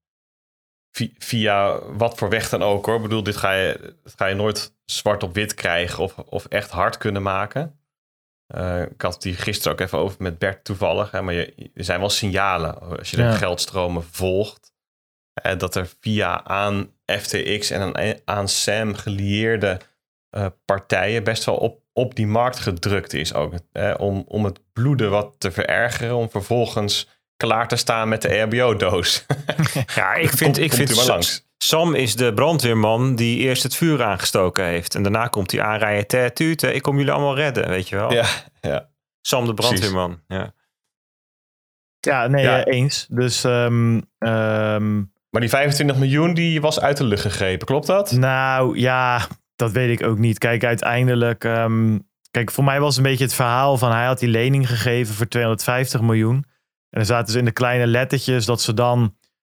Maar ehm, eh, een soort van hooggeplaatste status boven andere aandeelhouders zouden krijgen. En eh, op die manier eh, heel goedkoop dat bedrijf over zouden kunnen kopen of zo. Dus er waren toen ook weer andere aandeelhouders die natuurlijk in het gareel sprongen. Omdat die zeg maar het ging al niet goed met BlockFi. En dan zou je dus ook nog eens in de pickorde onder FTX komen. Dus die ja, begonnen daar ook weer allemaal acties op touw te zetten. Eh, en toen kwam dus een dag later, kwam diezelfde Zack Prince, diezelfde CEO van BlockFi, naar Hm. buiten. En die zei van, oké, eh, dit is nu wat er gebeurd is. Ehm, en dat heeft hij op Twitter gedaan. En eh, hij zegt dus, de scope is dus breder geworden dan die eerdere afspraken. Hè? Dus die 250 miljoen. Ehm, dus eigenlijk is het gewoon een geüpdate, geüpdate versie van die lening eigenlijk. En ik denk dat je aan de voorwaarden waar ik straks op terugkom wel kan zien dat er denk ik wel een soort van, ja ook dit is weer natuurlijk niet hard te maken, maar wel een kern van waarheid zat in die geruchten over die 25 miljoen. Of in ieder geval die adder onder het gras. Het is een beetje vreemd dat je de ene week een, een lening van 250 krijgt. Dan zijn er allemaal geruchten en gekkigheid. En een dag na die geruchten kom je opeens met een, een soort van geüpdate lening. Waar precies al die dingen waar geruchten over waren, een soort van addressed zijn. Of, of, of veranderd zijn, of aangepast zijn, of duidelijk gemaakt zijn. Anyway, ze krijgen dus in plaats van 250 miljoen, krijgen ze nu een doorlopend krediet van 400 miljoen dollar. Om eh, de toko een beetje drijvende te houden. En eh, er is een mogelijkheid voor FTX om BlockFi voor ma- maximaal 240 miljoen dollar over te nemen. Maar dat is wel afhankelijk van allemaal performance indicators en dergelijke. Eh, dus ik denk dat daar dus die aandeelhouders die over de zeik waren, hu- hun pakketje hebben waar ze wel tevreden mee zijn. Namelijk dat als het goed gaat, dat ze dus dit krijgen. En als die toko dus gewoon eigenlijk brandhout is, waar we het eerder over gehad hebben. Ja, dat ze dan minder krijgen, maar waarschijnlijk meer dan die 25 miljoen. Maar goed, dat In verzin ik er. maart vorig jaar was, was BlockFi gewaardeerd op 3 miljard. Ja, nee, zeker. Toen hebben ze. Maar dat is wel goed om te zeggen. Dat was met die Series D. Dus toen hebben ze 350 miljoen opgehaald. Dus een, een, een- wat zal het zijn? Een vijfde kapitaalronde of zo. En toen hadden ze inderdaad daardoor een waardering van. eh, van wat was het, zei je? 5 miljard? 4 miljard? Nee, Zoiets? 3 miljard. 3 miljard. 3 miljard. Ja, goed. Dus dan, die waarderingen moet je altijd met een, iets van een korreltje zout nemen. Maar het laat wel inderdaad een soort van de orde grootte zien waar we het over hebben. Ik, ik blijf het een, ehm, een raar verhaal vinden. Even terugkomend op hè, dat er ineens een vernieuwde lening zou zijn waarin alle ehm, roddels aangekaart zouden zijn. Ja, ik denk niet dat, dat, dat het echt zo is dat er, omdat er roddels waren, een soort van vernieuwde opzet is afgesproken. Ik denk Nee, dat er wel wat langer dan 24 uur gaat zitten in het eh, opstellen van al dit soort randvoorwaarden en dan daadwerkelijk daar handtekeningen onder gezet krijgen.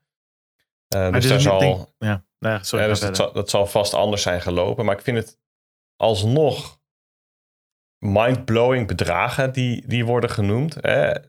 Ook even, gewoon even bedenken dat FTX echt nog maar kort bestaat. Hè. Waar halen ze al die liquiditeit vandaan? Zeg, enorme eh, eh, cashreserves hebben ze kennelijk Ja. om ja, toch gewoon honderden miljoenen even beschikbaar te stellen. En ik vraag me dan af, ja, is dit nou wel zo'n goede deal? Zeg maar, zit, zit een markt nog wel te wachten op een BlockFi? Zeg maar, wat is nou de verhouding van de markt ten aanzien van dit soort Ja. gesloten black boxes die als lender fungeren. Eh, terwijl eh, er open alternatieven zijn. En, eh, weet ik veel, neem een Maple Finance of zo, waarin alle transacties en, en, en zeg maar, alles is transparant en open eh, rondom de manier hoe yields worden gegenereerd. Dat past mijn inziens ook veel beter bij nou ja, decentralized finance, bitcoins, de Mhm. crypto-ethos.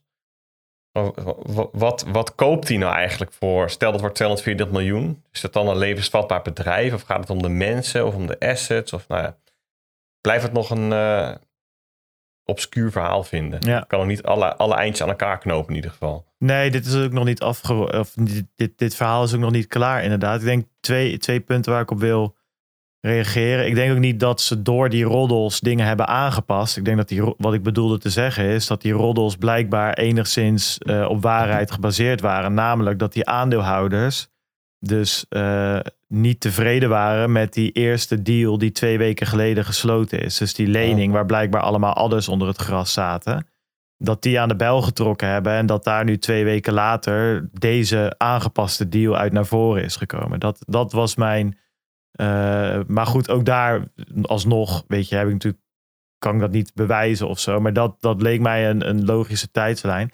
Verder ben ik het met je eens. Zeker, eh, ik heb, de- bij mij was het op een gegeven moment, had ik een podcast geluisterd. Toen zat die, die, volgens mij was dat die Zack Prince. En ik denk dat dat bij Peter McCormack was. En dat is echt al anderhalf jaar terug inmiddels. Toen ging hij vertellen van hoe.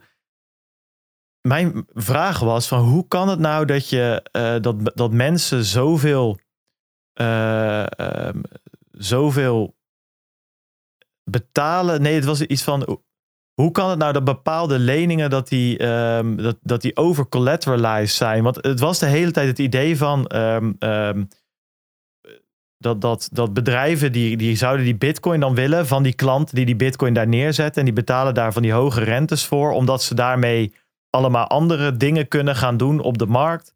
Eh, en, en daar kunnen ze dan geld mee verdienen. En, die, en de, de yield is dan hoger dan die rente die ze betalen. Alleen ik dacht van, waar slaat het nou op als eh, ik dubbel collateral moet neerleggen als bedrijf zijnde? Van ik moet 200 miljoen neerleggen om 100 miljoen aan bitcoin te krijgen. Dan kan ik net zo goed, als ik dat geld toch heb, om die collateral neer te leggen, dan kan ik net zo goed die bitcoin zelf kopen of futures of whatever. Dan, zeg maar, dat, dat, ik vond het zo'n vreemd businessverhaal, zeg maar. En toen in dat gesprek kwam de aap ook uit de mouw. Ze leggen, die grote bedrijven leggen helemaal geen dubbel collateral neer. Laat staan uh, over collateralized. Sterker nog, ze waren under collateralized. In de zin van ze leggen uh, de helft in cash neer of zo was het. Of, of 60% of whatever. Dat kon afgesproken worden. En de andere 40 dekten ze gewoon omdat het een groot bedrijf was of whatever. En dat vond ik toen al zo'n vreemd verhaal, zeg maar. Dat ik dacht van ja, als dit de manier is om geld te verdienen, dan weet ik, ik vond dat hij er ook zo moeilijk over deed. Dus ik ben het wel met je eens, dat gebrek aan transparantie, uh, dat heeft ze nu uiteindelijk anderhalf jaar later uh, ook gewoon genekt. Omdat heel veel mensen hier gewoon ingestapt zijn. Uh, en, en dat het eigenlijk niet duidelijk was wat ze precies deden. En dat was dat waarschijnlijk nog enigszins niet zo risicovol. Alleen op, op het moment dat daar geen yield meer te halen is, zijn ze overgestapt ja. in, in nog risicovollere dingen. Dus inderdaad, uh, ik ben met je eens dat. En, en het grappige is, ik zat er laatst een draadje over te lezen, dat die DeFi-protocollen. Ja, op zich gewoon uh, doordraaien. Weet je, ik bedoel ook Aave en dat soort dingen. Ik ben, ik ben er allemaal niet de grootste expert in, maar als ik die draadjes lees, ja, dat draait in principe gewoon zoals het. Uh, uh, zoals het hoort. Uh, kijk, de echte problemen kwamen meer op die DeFi-protocollen op Solana en dergelijke, omdat die gewoon eigenlijk te klein waren om dit soort geintjes op te kunnen vangen. En daardoor een enorme impact konden hebben op de prijs van Solana zelf. En daarmee een soort van visueuze cirkel in gang konden zetten. Nou, anyways. Um, denk interessant uh, om, om eens verder naar te oh. kijken. Toen, de dag erna, kwam Voyager. dat is een trading platform, crypto trading platform. En die moesten, uh, die kwamen met een aankondiging dat ze hun tradingplatform stillegden, uh, de withdrawal stillegden en ook de deposits, minder belangrijk, maar die werden ook stilgelegd. Um, en waarom deden ze dat? Nou, ze hadden een deadline gesteld uh, aan Three Arrows Capital dat ze twee leningen terug moesten gaan betalen. En dat ging om een lening van 15.250 bitcoin, wat ongeveer pakken mee 300 miljoen dollar is en 350 miljoen dollar in USDC. Eh, en die hadden ze dus niet betaald. Dus Voyager die zei van ja jongens, eh, we moeten actie ondernemen. Eh, we zitten in de problemen. En ook daar gingen de withdrawals dicht. Ehm, een dag Ik heb er later... nooit van gehoord trouwens, Voyager. Nee, ik eh, ook niet voordat ze in de problemen kwamen. Maar goed, dit is wel bijna een miljard. eh, nou, laat- niet bijna een miljard, maar eh, dik een half miljard dollar aan openstaande leningen. Dus het gaat toch wel weer om serieus geld. Ehm, toen hadden we een dag later Three Arrows Capital vraagt faillissement aan. Nou, dat was niet geheel onverwacht, maar ehm, ja, ook hier weer. Hè, Peet, jij zei net van eh, eh, in maart was eh, BlockFi nog eh, 3 mil- miljard waard. Dit fonds had in maart gewoon nog 10 miljard dollar assets under management. Hè? Dit is wel serieuze Ja. shit. Maar die, goed, die moest op de fles. Dus dat was zaterdag 2 juli. Skippen we even naar woensdag eh, 6 juli. Ehm, want ook Voyager, waar we dus net zeiden dat ze een week daarvoor hun, hun withdrawal stilzetten, ook faillissement aangevraagd. Eh, de CEO, eh Stefan Ehrlich, die zegt daar op Twitter over. Hij noemde het trouwens een voluntary financial restructuring. Nou goed, eh, die, die schrijf ik even op voor als Satoshi Radio BV ooit een keer failliet gaat. Dan zeg ik ook, jongens, het is een volledig vrijwillige financiële restructuring. Ik vond, het, ik vond het mooi. Ze kunnen het mooi brengen, die Amerikanen. En wat blijkt dus, ehm, eh, de blootstelling ehm, aan eh Three Arrows Capital en dus het niet terugbetalen van die eerder genoemde lening van 650 miljoen dollar was de reden voor het faillissement. Eh, ze willen wel een doorstart maken, maar ja, hoe of wat, dat moet de komende weken eh, duidelijk worden. Ook werd het dus duidelijk trouwens dat BlockFi eh 80 miljoen dollar verlies heeft geleden door een blootstelling aan Three Arrows Capital. Dus dat is een stuk minder dan 650 miljoen, maar ook nog wel fors hoor, jongens. Pol, 80 miljoen. De, de miljoenen, wat jij net zegt, Peter, dat gevoel deel ik helemaal. De miljoenen vliegen je om de oren in, in, in, Ja. in dit hele verhaal. Of ze nou van FTX komen of van Sam Bankman-Fried, of dat ze eh, openstaan als lening aan elkaar. is echt eh, wel fors. Ehm, over Sam Bankman-Fried gesproken, die zegt dus op eh, 7 juli dat het ergste wel achter de rug is. Maar hij zegt er ook bij, als dat niet zo is, heeft hij nog wel een paar miljard liggen om te helpen. ja, ik zweer. het. Staat toch helemaal nergens op. Ja, het is echt waar. Het is echt waar. Nou goed, die, eh, op 7 eh, juli werd ook bekend dat hij die paar miljard op zich ook wel nodig zou hebben. Want ehm, Alameda Research, ook een naam waar we het een paar keer over gehad hebben. Want die hebben dus, nou dit, dit is ook weer mooi. Eh, dat is een bedrijf van Sam, Sam Bankman-Fried, wat meer de investeringstak geloof ik of zo. Het is een beetje research, investering, eh, whatever. Dat zijn gewoon haaien. Dit is gewoon een mooi, mooi naampje voor, voor een shark pool. Ja, nou, die heeft dus, dat hebben we ook verteld, een paar weken geleden 500 miljoen dollar lening aan Voyager gegeven.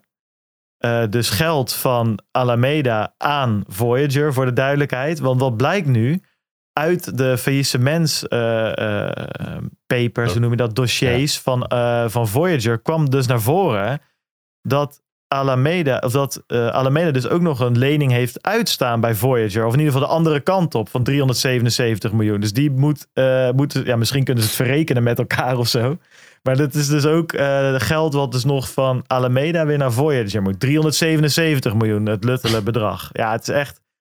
Ehm, en uit diezelfde documenten kwam dus ook inderdaad naar voren dat eh, Three Arrows Capital dus nog die onbetaalde lening heeft, die openstaande lening van 655 miljoen dollar eh, aan eh, Voyager. Het was gewoon één grote circle jerk van lenders, heb ik het idee. Ja, het is echt, ze hebben allemaal exposure aan elkaar. En, en, en het gaat erom dat je dat nu zo snel mogelijk moet. Ja, de, de- gewoon die, die, die arm moet afhakken. En, eh, en, die, en die wond moet verbinden, zeg maar. En ja, Ja. daar moet je geld voor hebben. En sommigen hebben dat en sommigen hebben het niet. Kijk, het, Ja. het, het een wordt als onderpand gebruikt bij het ander. En daar wordt dan tegen geleend. En soms ook in DeFi pools.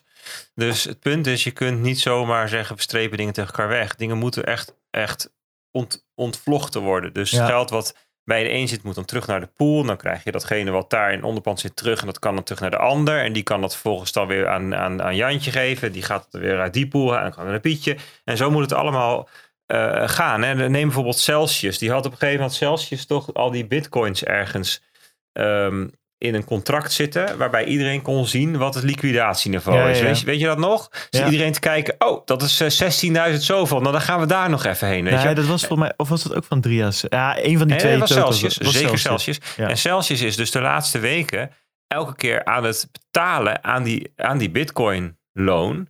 Dus de USD, de dollars aan het af, aflossen, zodat die bitcoin uiteindelijk eh, vrijkomt. Want dat was het onderpand. Hè, dat kon geliquideerd worden. En gisteren kwam het bericht dat Celsius weer 40 miljoen heeft betaald. De liquidatieprijs van die bitcoin is inmiddels gedaald naar 2700 dollar, 2700. Dus we hoeven eigenlijk nog maar één tranche eh, aan dollars af te lossen. En dan komen die bitcoins vrij als onderpand. En dat kan dan dus terug naar Celsius. Weet je wel? En dat wordt dan dus weer eh, onderdeel van het bezit. Dus dan is er eh, één lening en één onderpand. Die worden dan ontvlochten. En nou ja, zo, zo zullen ze dit allemaal moeten doen. Hè? En, en, en ehm, ehm, dit is bij banken ook aan de hand. Hè? Dus je hebt bij de bank die heeft een eh, schuld aan de mensen met een rekening. Hè, die hebben, eh, die, die- dus stel dat je mensen in totaal 100 miljoen op hun bankrekening hebben staan. Dan heeft de bank 100 miljoen schuld aan de rekeninghouders. Maar ze hebben ook een vordering, namelijk op de mensen die geleend hebben bij de bank. Misschien 100 miljoen aan hypotheken. En een punt is, die mensen die die rekening hebben, die kunnen zeggen vandaag, joh, we gaan willen allemaal ons geld opnemen. Dan moet je die 100 miljoen ophoesten. Terwijl die 100 miljoen die ze nog te vorderen hebben van de mensen die een hypotheek hebben, die kunnen ze niet meteen ophalen, want dat is gewoon een afspraak dat ze dat in 30 jaar afbetalen. Nou, dat, zo'n type probleem is hier dus ook ontstaan. Dus er zullen, er zullen best bedrijven tussen zitten in die, al die lijsten van bedrijven in de problemen, die uiteindelijk gewoon solvabel blijken. Het zal best zijn. Alleen het is niet liquide. Ze kunnen, het, ze kunnen het niet nu fixen, omdat het allemaal op die manier met elkaar verweven en vervlochten en in contracten en in dingen zit. Dus dat is ook wat je nu ziet, dat dat één voor één ontvlochten wordt. En dan bij de een zal blijken dat dingen onwijs meevallen. Bij de ander blijkt er achter het ene lijk nog een hele kast vol met andere lijken te zitten. En, en, en dat is eigenlijk, denk ik, ehm, wat er nu aan de hand is. Dat we met z'n allen er een beetje bij staan te kijken van, nou ja, wat, wat komt er nou allemaal hè, als de stof optrekt en wanneer zeggen we dat als, de- als, de, als de rook optrekt en de stof neerdwarrelt, wat, wat blijft er dan? Wat, wat staat Ja. er dan? Wat komt Ja. er dan uiteindelijk eh, te staan? Nee, ja, helemaal eens. En, di- en dit is ja, dus eventjes nu, zeg maar. eh, eh, nou, we spreken donderdag 7 juli, hoe, hoe we het nu een beetje zien. Eh, wat er nu bekend is. Eh, ja, goed, daarmee is het nog niet afgedaan. Maar ja, goed, het lijkt. ehm, ja, nou, in ieder geval voor 3AC en Voyager is, is het nu gewoon klaar, zeg maar. Weet je, dat. ja, ja. eh, Maar, maar, maar dat, dat wisten we. Dus dat, ja, ook, ja, Nee, Nou, ik, ik ja. bedoel, ik probeer het even te vertalen naar, naar, de, naar de risico's en onzekerheden. Hè? Dus mensen zijn een beetje van, ja, wat, wat komt er allemaal nog? Maar we, we wisten van 3AC en van Voyager en zo. We- En, en de vraag is, zijn er nou de afgelopen week nieuwe drollen ontdekt? Ja, maar ik ben, mm, ben het gedeeltelijk met je eens hier, Bert. Want het was natuurlijk, kijk, we wisten dat ze die, eh, die loon uit hadden staan van 6,55. Want die kon je inderdaad gewoon volgen. En daar was op een gegeven moment de een die liep de 25ste af of zo. En de ander de 28ste, dacht ik. Dus op een gegeven moment werd het duidelijk dat, dat ze daarop aan default eh, waren.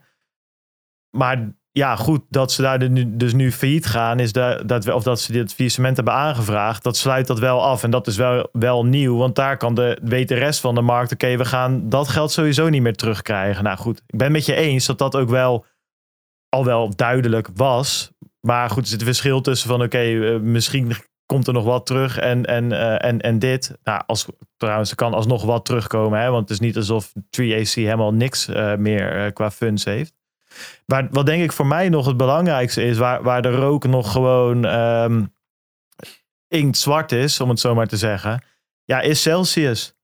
Weet je, ik bedoel, die toko, de withdrawals zijn nog steeds dicht en die zijn nog steeds bezig met een soort reddingsplan waar eigenlijk niet veel over bekend is, eh, weet je wel. Er wordt ook gesproken over een faillissement, gesproken over een doorstart, er wordt gesproken over dat ze toch gewoon door kunnen zonder faillissement of doorstart ja, dat maakt nog wel uit eh, welke van de drie het gaat worden, zeg maar. Dus ik denk dat, dat daar, eh, daar ligt zeg maar de grootste, het grootste risico van wat we nu een beetje in kunnen schatten. Ja, en dan heb je nog het grote onbekende van misschien zit er ergens nog wel een, een lijk eh, achter een deur bij een, bij een toko waarvan we het nog niet weten. En ik denk dat dat daadwerkelijk nog flink impact zou kunnen hebben. Omdat ja, iedereen heeft met Celsius, dat, dat, dat risico wordt nu wel uh, ingeschat en ingecalculeerd. Ja, wie weet zit er nog ergens anders een, een, een of ander uh, hedge fund of venture capital fund of crypto trading platform of lending platform met de, water tegen de lippen waarvan we het nog niet weten. dus ik denk dat dat nog wel een um, flink risico is. Maar goed, dit is in ieder geval eventjes de stand van zaken as we speak. Um, ja, ik heb, ik heb deze erbij gezet, maar ik denk dat we die even gewoon als los item moeten behandelen als ik hem nu zo lees. Uh, we hebben het de afgelopen weken namelijk best wel vaak over gehad. En we bespraken dat in het uh, stukje uh, bosbrand.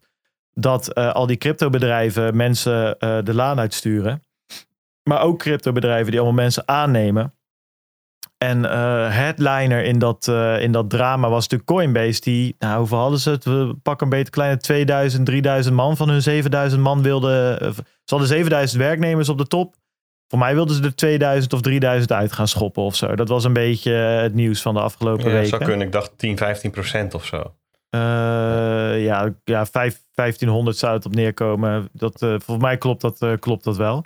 Uh, en ze hadden natuurlijk een gedeelte van mensen die ze eigenlijk aan hadden genomen, die ze toch lieten weten van, oh nee, ja. toch niet. Dus daar zat ook nog wel, uh, ik denk nog wel een mannetje of 500.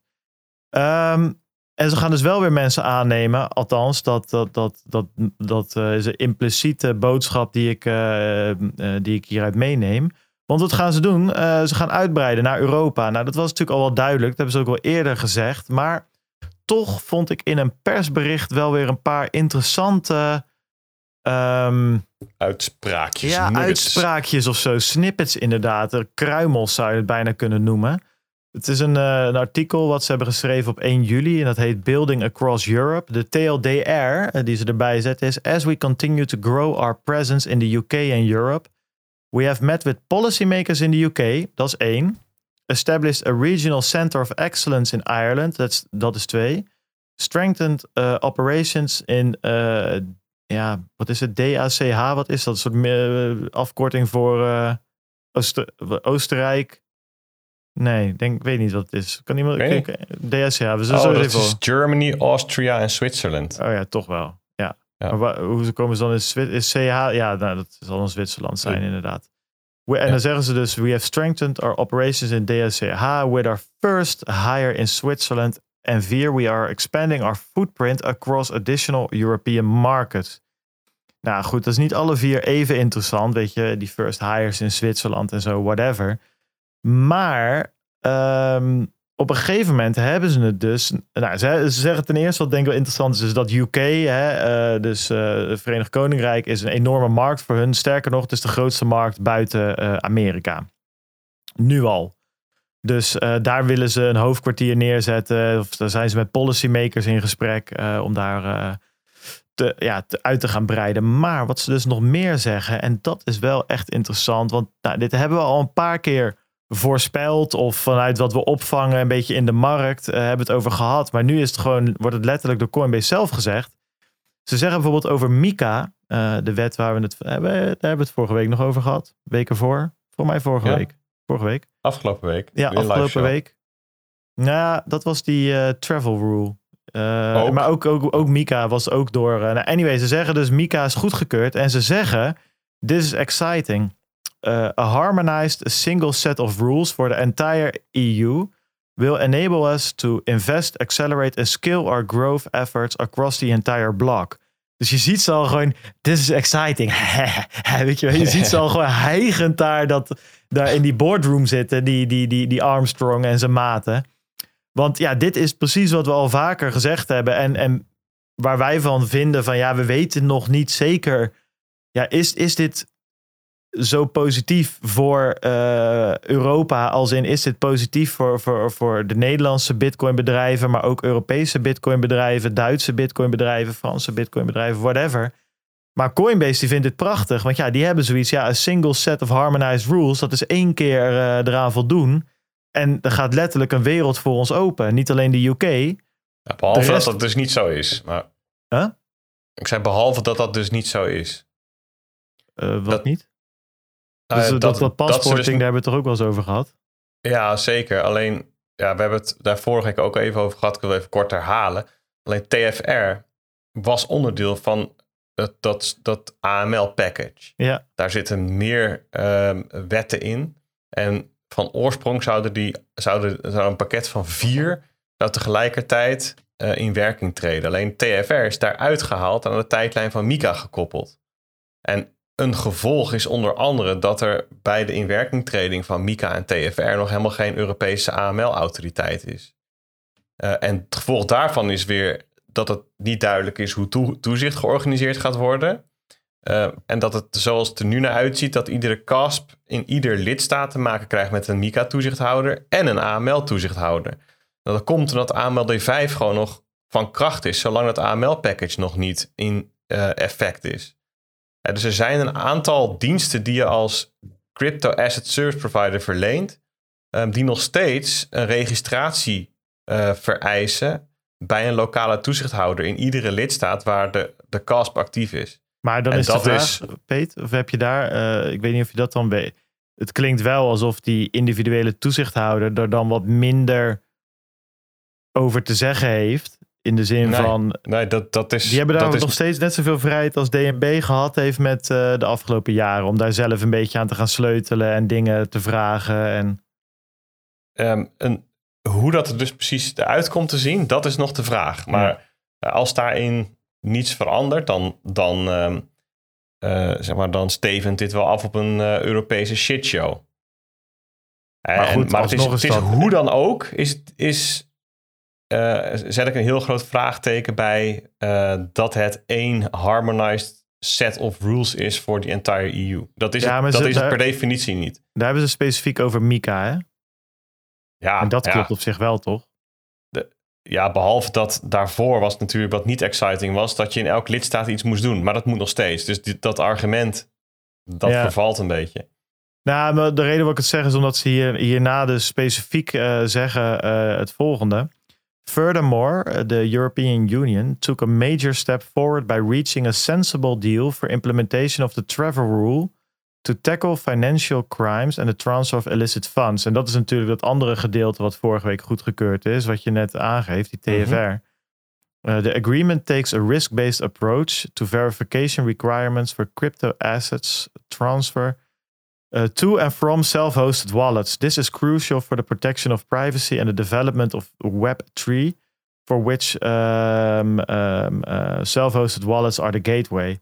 Dus ze maken wel het verschil van: oké, we hebben aan de ene kant een harmonized set of rules waar we heel blij van zijn, namelijk Mika. En die andere dingen zijn misschien niet helemaal harmonized, maar daar hebben ze ook goede stappen gemaakt deze week. Dus volgens mij hebben ze wel redelijk in de smiezen hoe, hoe of wat. Ehm, maar goed, ik ben het wel met je eens dat het, of in ieder geval, ik geloof je direct als je zegt dat het allemaal niet zo harmonized gaat worden als, als, dat, eh, als dat de EU het wil doen geloven. Nou, het, het markttoezichtstuk is inderdaad harmonized. De Mika is inderdaad harmonized, is echt Europa breed. Dus daar hebben ze helemaal gelijk in. En ik denk dat ze inderdaad ook weten dat het AML-stuk wel lokaal is. Want ze zijn namelijk bezig in allerlei lidstaten om ehm, eh, eh, die registratie te halen. Als zij, dacht, als zij daadwerkelijk dachten dat het allemaal gefixt wordt op Mika, hadden ze dat natuurlijk niet gedaan. Nee, want dat geven ze ook aan. Hè? En dat is het laatste kruimeltje wat ik eruit heb gehaald. Meer gewoon weer even als bevestiging van wat we al dachten. Ze zeggen, we are already on the ground in the UK, Ireland and Germany. Uh, additionally, we are in the process of expanding in France, Italy, Spain and the Netherlands. In all of these markets, uh, our goal is to launch Coinbase, uh, the Coinbase suite of retail, institutional and developer pro- products. Ehm, wel grappig dus dat Nederland eh, na eigenlijk de grote landen, dus eh, Duitsland, Frankrijk, Italië en Spanje, dus wel eigenlijk de, de, me- ja, eigenlijk in, in één adem daarmee wordt genoemd. Ehm, en dat je dus andere wat kleinere landen in. Europa, dat die eh, wat minder belangrijk zijn. Dus grappig ehm, om dat eh, te zien, ja, wat de uitwerking gaat zijn. Ja, het, het, is, het is serieus net als twee, drie jaar geleden toen Amazon opeens eh, eh, duidelijk begon te maken van we komen naar Nederland, weet je. En toen, wat gaan de, de Coolblues en de, en de Bol.coms doen?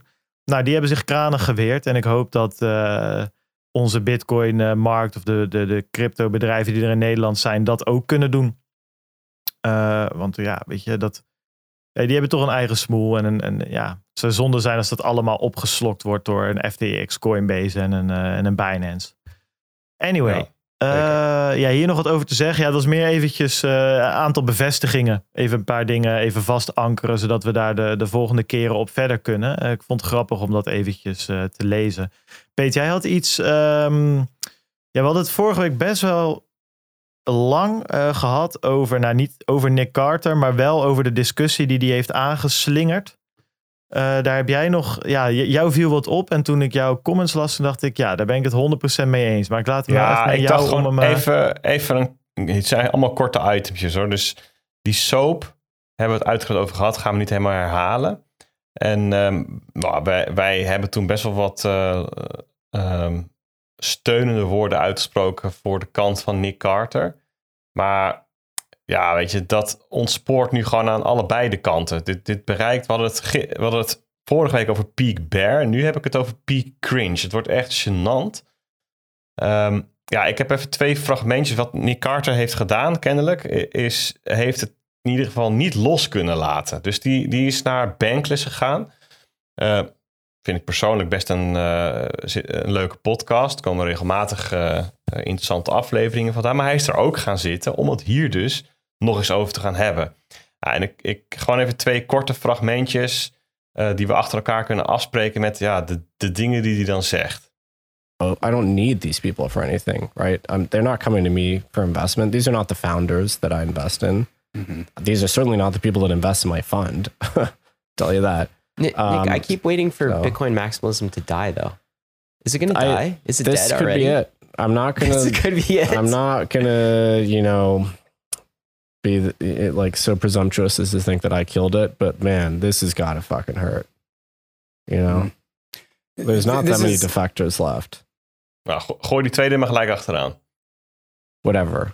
Like the unfortunate thing for them is that, you know, distancing myself from the Toximaxis is one of, is the best thing I've ever done, actually, and it's making me much more credible, and um, and and it's opening a lot of doors actually, and it's my star will continue to rise here. That's the problem for them. So by attempting to like come together, like their camp is getting smaller and less relevant, and you know, having defections like me from that camp is really, really going to hurt them. Ja. Ik bedoel, ja, ik hoorde dit en ik dacht echt van... Ja, weet je, het, het, het, het kan haast niet sneuier of zo. Weet je? Dit, dit is zo kleingeestig. ja, Eh, eh, helemaal eens. Een, een soort van... ehm, ja, nou, ik had Nick Cart niet per se op een sokkel eh, staan of zo. Maar als hij er stond, was hij daar ook weer afgekletterd. Nou, maar daar hebben we ook vorige week hebben we het over gehad. Als je het, als je het terugluistert. Kijk, we waren het eens met zijn boodschap. eh, met, met zijn verhaal. En bepaalde dingen die hij zei, konden we ons in vinden. Weet je, het hebben we ook al aangegeven. Ja, Nick Carter zelf heeft vaak, eh, eh, weet je, zijn inbreng, vaak vooral geschreven inbreng, was, was fantastisch. Hè, zijn wat, wat diepgaandere stukken.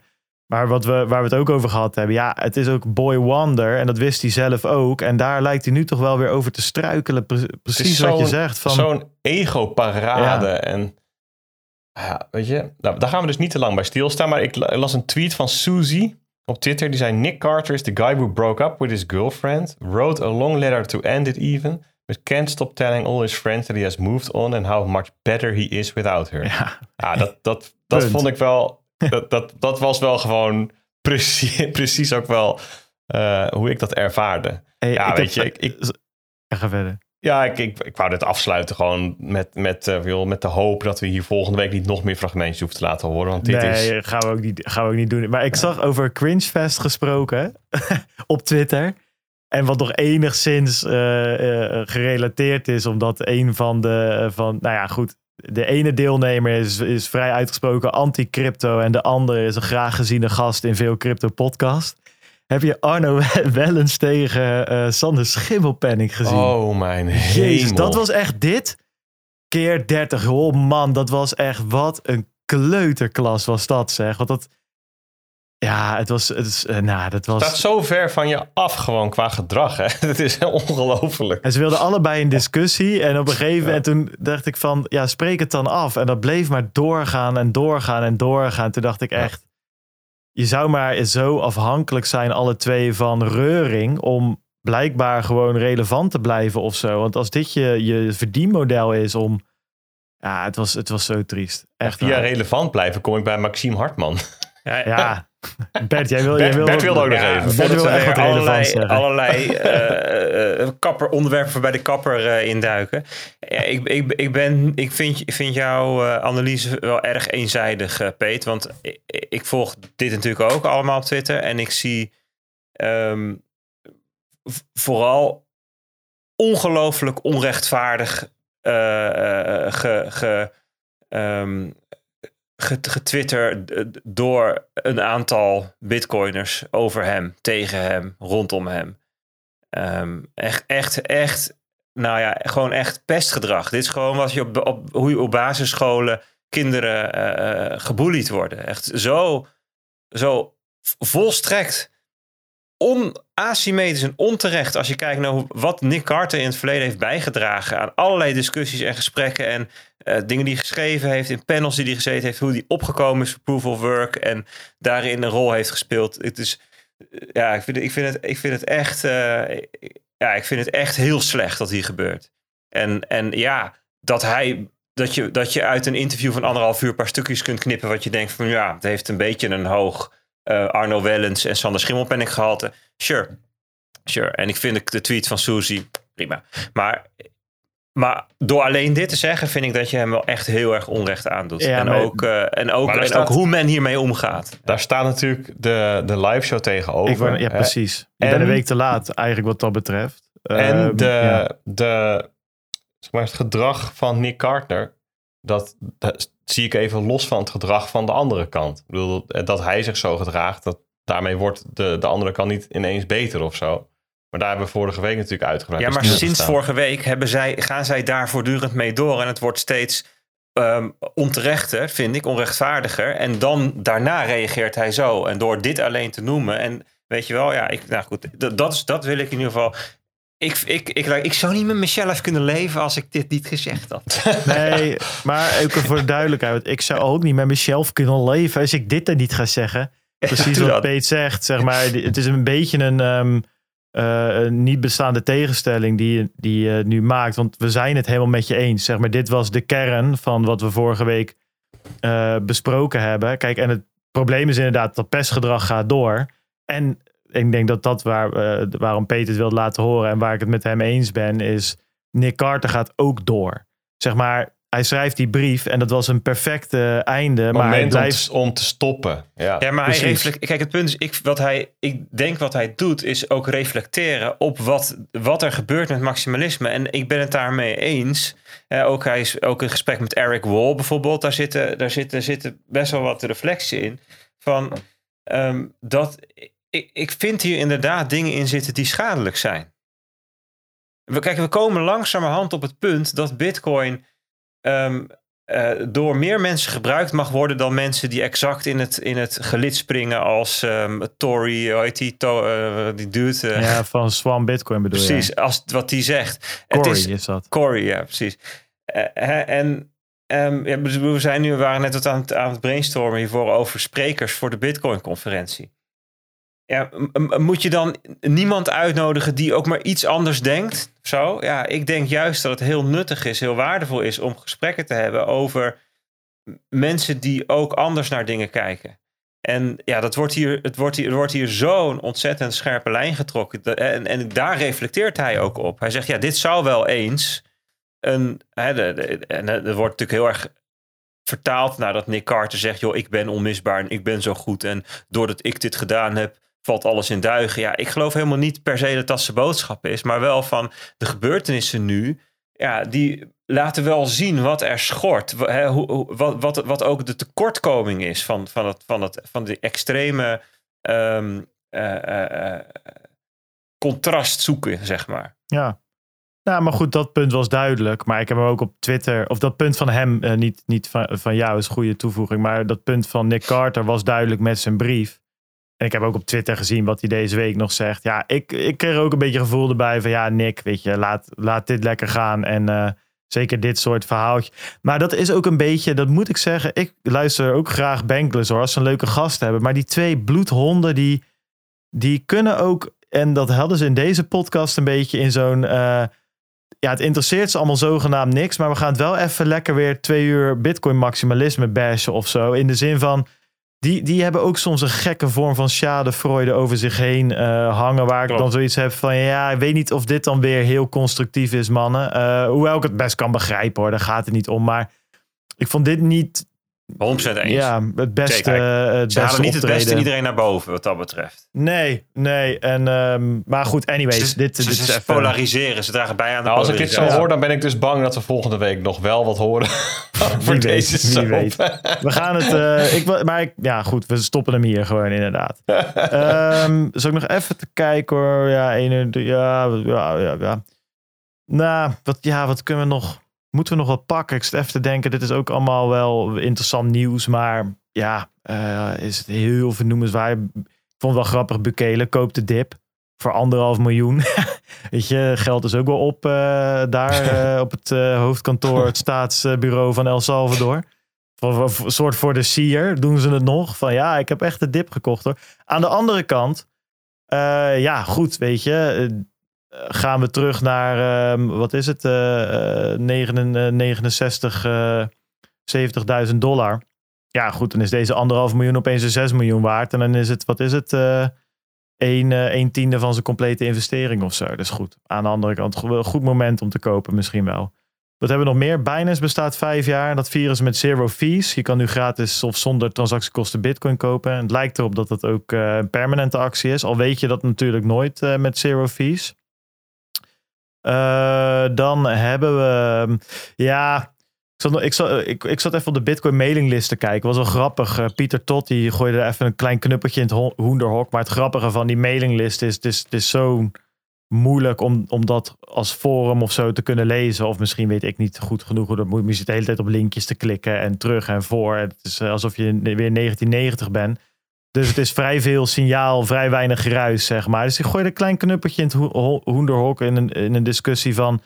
ehm, hij had het erover van ja, misschien moeten we toch maar iets met een soort van permanente bloksubsidie gaan doen. Want ik weet niet zo zeker of eh, ehm, ehm, eh, we uiteindelijk puur met transactiefees het netwerk veilig kunnen houden. Vond ik grappig, omdat het toch weer een beetje die, hè, dat overtone window waar we het vaak over hebben, zag je ook hier weer een beetje terugkomen. In de discussie over transactiefees versus subsidy. Vond ik grappig om nog even genoemd te hebben.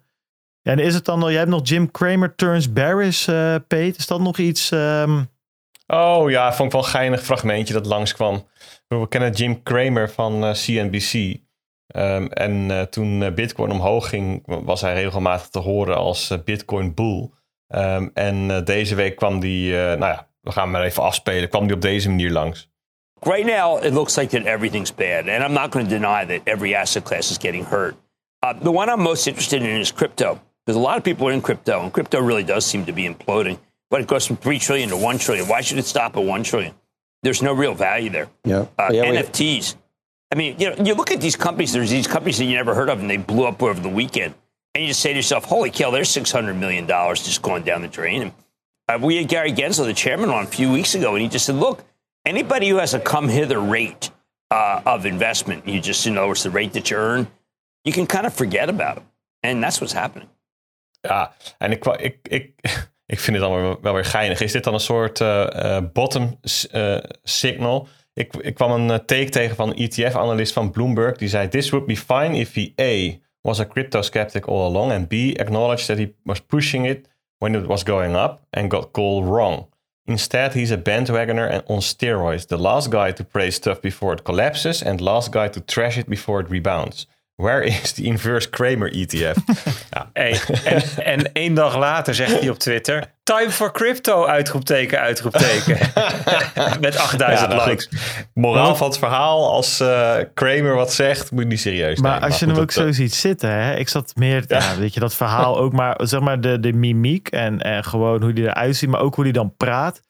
Ik zat te denken, die, die gekke Amerikanen, weet je wel, dus dit soort figuren, En het hoeft helemaal niet over crypto te gaan of whatever. Maar die zo praten en zo uit hun ogen kijken. En zo mimiek en body language hebben. Dat heb je dus gewoon niet in Nederland. Ik kan er. Ik bedoel, wij hebben ook Ja, wel onze ja. eh, financieel analisten. Die speciaal zijn. Maar dat is dan wel op een, een meer Eu- Europese of Nederlandse manier. Weet je, zo'n Dirk Veenstra of zo. Of, eh, of, Ja. of eh, De Geus. En, en weet je, die zijn, dat zijn ook wel vreemde types. Maar niet, dit- dit is toch weer zo'n Amerikaans sausje eroverheen. Ik kan er ook niet over. Het is echt een Muppet Show. Ja, dat is ongekend, hè? Nou goed, Jimmy Kramer. Eh, maar hij zegt dus weer kopen, Bert. Hij is weer, toch weer omgedraaid. Ehm, eh, volgende week zal hij dat dan wel weer zeggen in de CNBC Investment Club. Nou, Ik zei het al. Ja. Ja, precies. Nou, top. Ik denk dat we er dan een, ehm, eh, we- wel een eind zijn. Eh, nou, we hebben Zeker. netjes, netjes binnen de lijntjes Leuke aflevering deze weer zo. Jongens, heerlijk. Hey, eh, dan wens ik jullie twee eh, weer succes met eh, al jullie endeavors vandaag. Alle activiteiten. En thanks voor alle inbreng natuurlijk. Ja, en volgende week dan zitten Peter en ik allebei in, in het buitenland. Dus Oh. eens even kijken hoe dat gaat. Maar dan zit je Ik, nog niet op de meest noordelijke fjorden van Noorwegen, nee, toch? nee, maar ik kan niet garanderen dat ik niet ergens in een kofferbak zit. Dat zou we zo, zou we zo weer ergens... eh, Ja, weet je nog? Vroeger, toen werd je nog eh, de grote Je hebt wel een grotere in eh, kofferbak. zeker. Ja, ja. Zeker. Jij ging met de camper. Ja, dan zit je natuurlijk de hele vakantie in een kofferbak eigenlijk. Eigenlijk wel, hè? Ja, rijden de Eh, kofferbak. Ja. Bert die gaat vijf weken in een kofferbak wonen. En waar zit jij dan, Peet? Jij was toch al geweest? Wat? Jij was toch eh, een paar weken terug in Zwitserland? Ja, jij in Portugal trouwens. Jezus, wat, eh, wat is dit voor eh, drie keer per, eh, per zomer op vakantie, eh, die twee? Nee, dat was nog geen zomer, hè? Ja, dat is Mijn waar. vakantie was dat. Ja, nou, nee, ik ga, ik ga naar Frankrijk toe. ah, lekker. En daar heb je ook eh, wifi op de camping? Ik, ik denk het. Ik- ik- ja, we gaan het zien, joh. Als ik daar aankom, dan weet ik vrij snel of die podcast een succes wordt of niet. Ja, ja. Wanneer, ga, wanneer gaan jullie weg dan, eh, jongens? Zaterdag. Oh, dan weten we het inderdaad eh, op tijd. Ja. Maar je kan, je- tegenwoordig is roaming, roaming is gratis. Dus je kunt gewoon prima ergens een 5G-stekkie opzoeken. Nee, klopt. Daarom. Dus dat eh, moet, eh, moet, moet, moet goed komen. Eh, doen we gewoon wat minder fragmentjes. Dat zal waarschijnlijk helemaal de Ja. janken zijn. Die video. Het ging deze week weer goed, eventjes. Ik weet niet of je het horen, maar Ja, we zijn er dus gewoon achter dat al- alles vanaf 27p en lager, dat, dat trekt het platform. Ja, ja. 1080p, dat gaat niet goed. Nee, we hoeven je niet inderdaad Interstellar in 4K even met een watch party met z'n met z'n drieën. Dat Wist je trouwens dat Bert die film ook gezien heeft? Ja, heb je verteld, tijdje terug. Oh, En hij vond hem ook goed, volgens mij. Welke Wist je dat, eh Interstellar, wist je dat Oh, ja. eh, de manier waarop ze dat zwarte gat in beeld hebben gebracht, dat dat eh, een soort van daadwerkelijk het meest dicht in de buurt komt met hoe wetenschappers denken dat het eruit ziet. En dat dat renderen eh, van dat, die scène van een paar seconden echt eh, maanden geduurd heeft. Grappig. Gewoon een leuk filmfactje, ook daarmee. Ja, fil- filmfact, movie Ja, fact. ik vond, ik vond op dat punt juist de film het minst goed. Ah, ga Maar, toch op, man, ja. jongen. Ja, je, snapt ook helemaal niks van eh, relativiteit. Ah, Bert, Bert kan het wel waarderen. Zo'n mooie eh, grafische uiteenzetting van al die theorieën. Ja, ik had het zelf zo gedaan. Als ik het... Ja, precies. Jij, jij bent er ook daar adviseur geweest. Zeker. Ze hebben, de, ze hebben de rendertijd met de helft kunnen verkorten door gewoon Bert wat hoofdberekeningen uit zijn Door te laten doen. Weet Ja, je? Die schreef dat gewoon zo op. En, eh, anyways, jongens, voor, eh, nou goed, dit is het einde. Mensen kunnen hem al uitzetten als ze willen. Eh, anyways, ik wil jullie bedanken natuurlijk. En jullie ook allemaal aan de andere kant van de ether. ehm, voor het luisteren. Thanks daarvoor. Thanks voor alle steun. We gaan er een mooi seizoen van maken. Seizoen 5, jubileumseizoen. Er staan allemaal mooie dingen te gebeuren. Dus eh, hopelijk eh, op naar vele nieuwe hoogtepunten. Maar ook bedankt voor de steun en het meehelpen aan alle hoogtepunten die we de afgelopen vier seizoenen hebben kunnen neerzetten. Eh, vind je de podcast leuk? Join de Telegram groep. Dat kan allemaal. Join Twitter. eh, volg ons op Twitter. De link kan je, kan je vinden op www.stoshiradio.nl. Ehm, ja, en wat ik zeg, bedankt voor het luisteren. En tot volgende week. Later. Adios. Ciao, ciao. Yo, yo.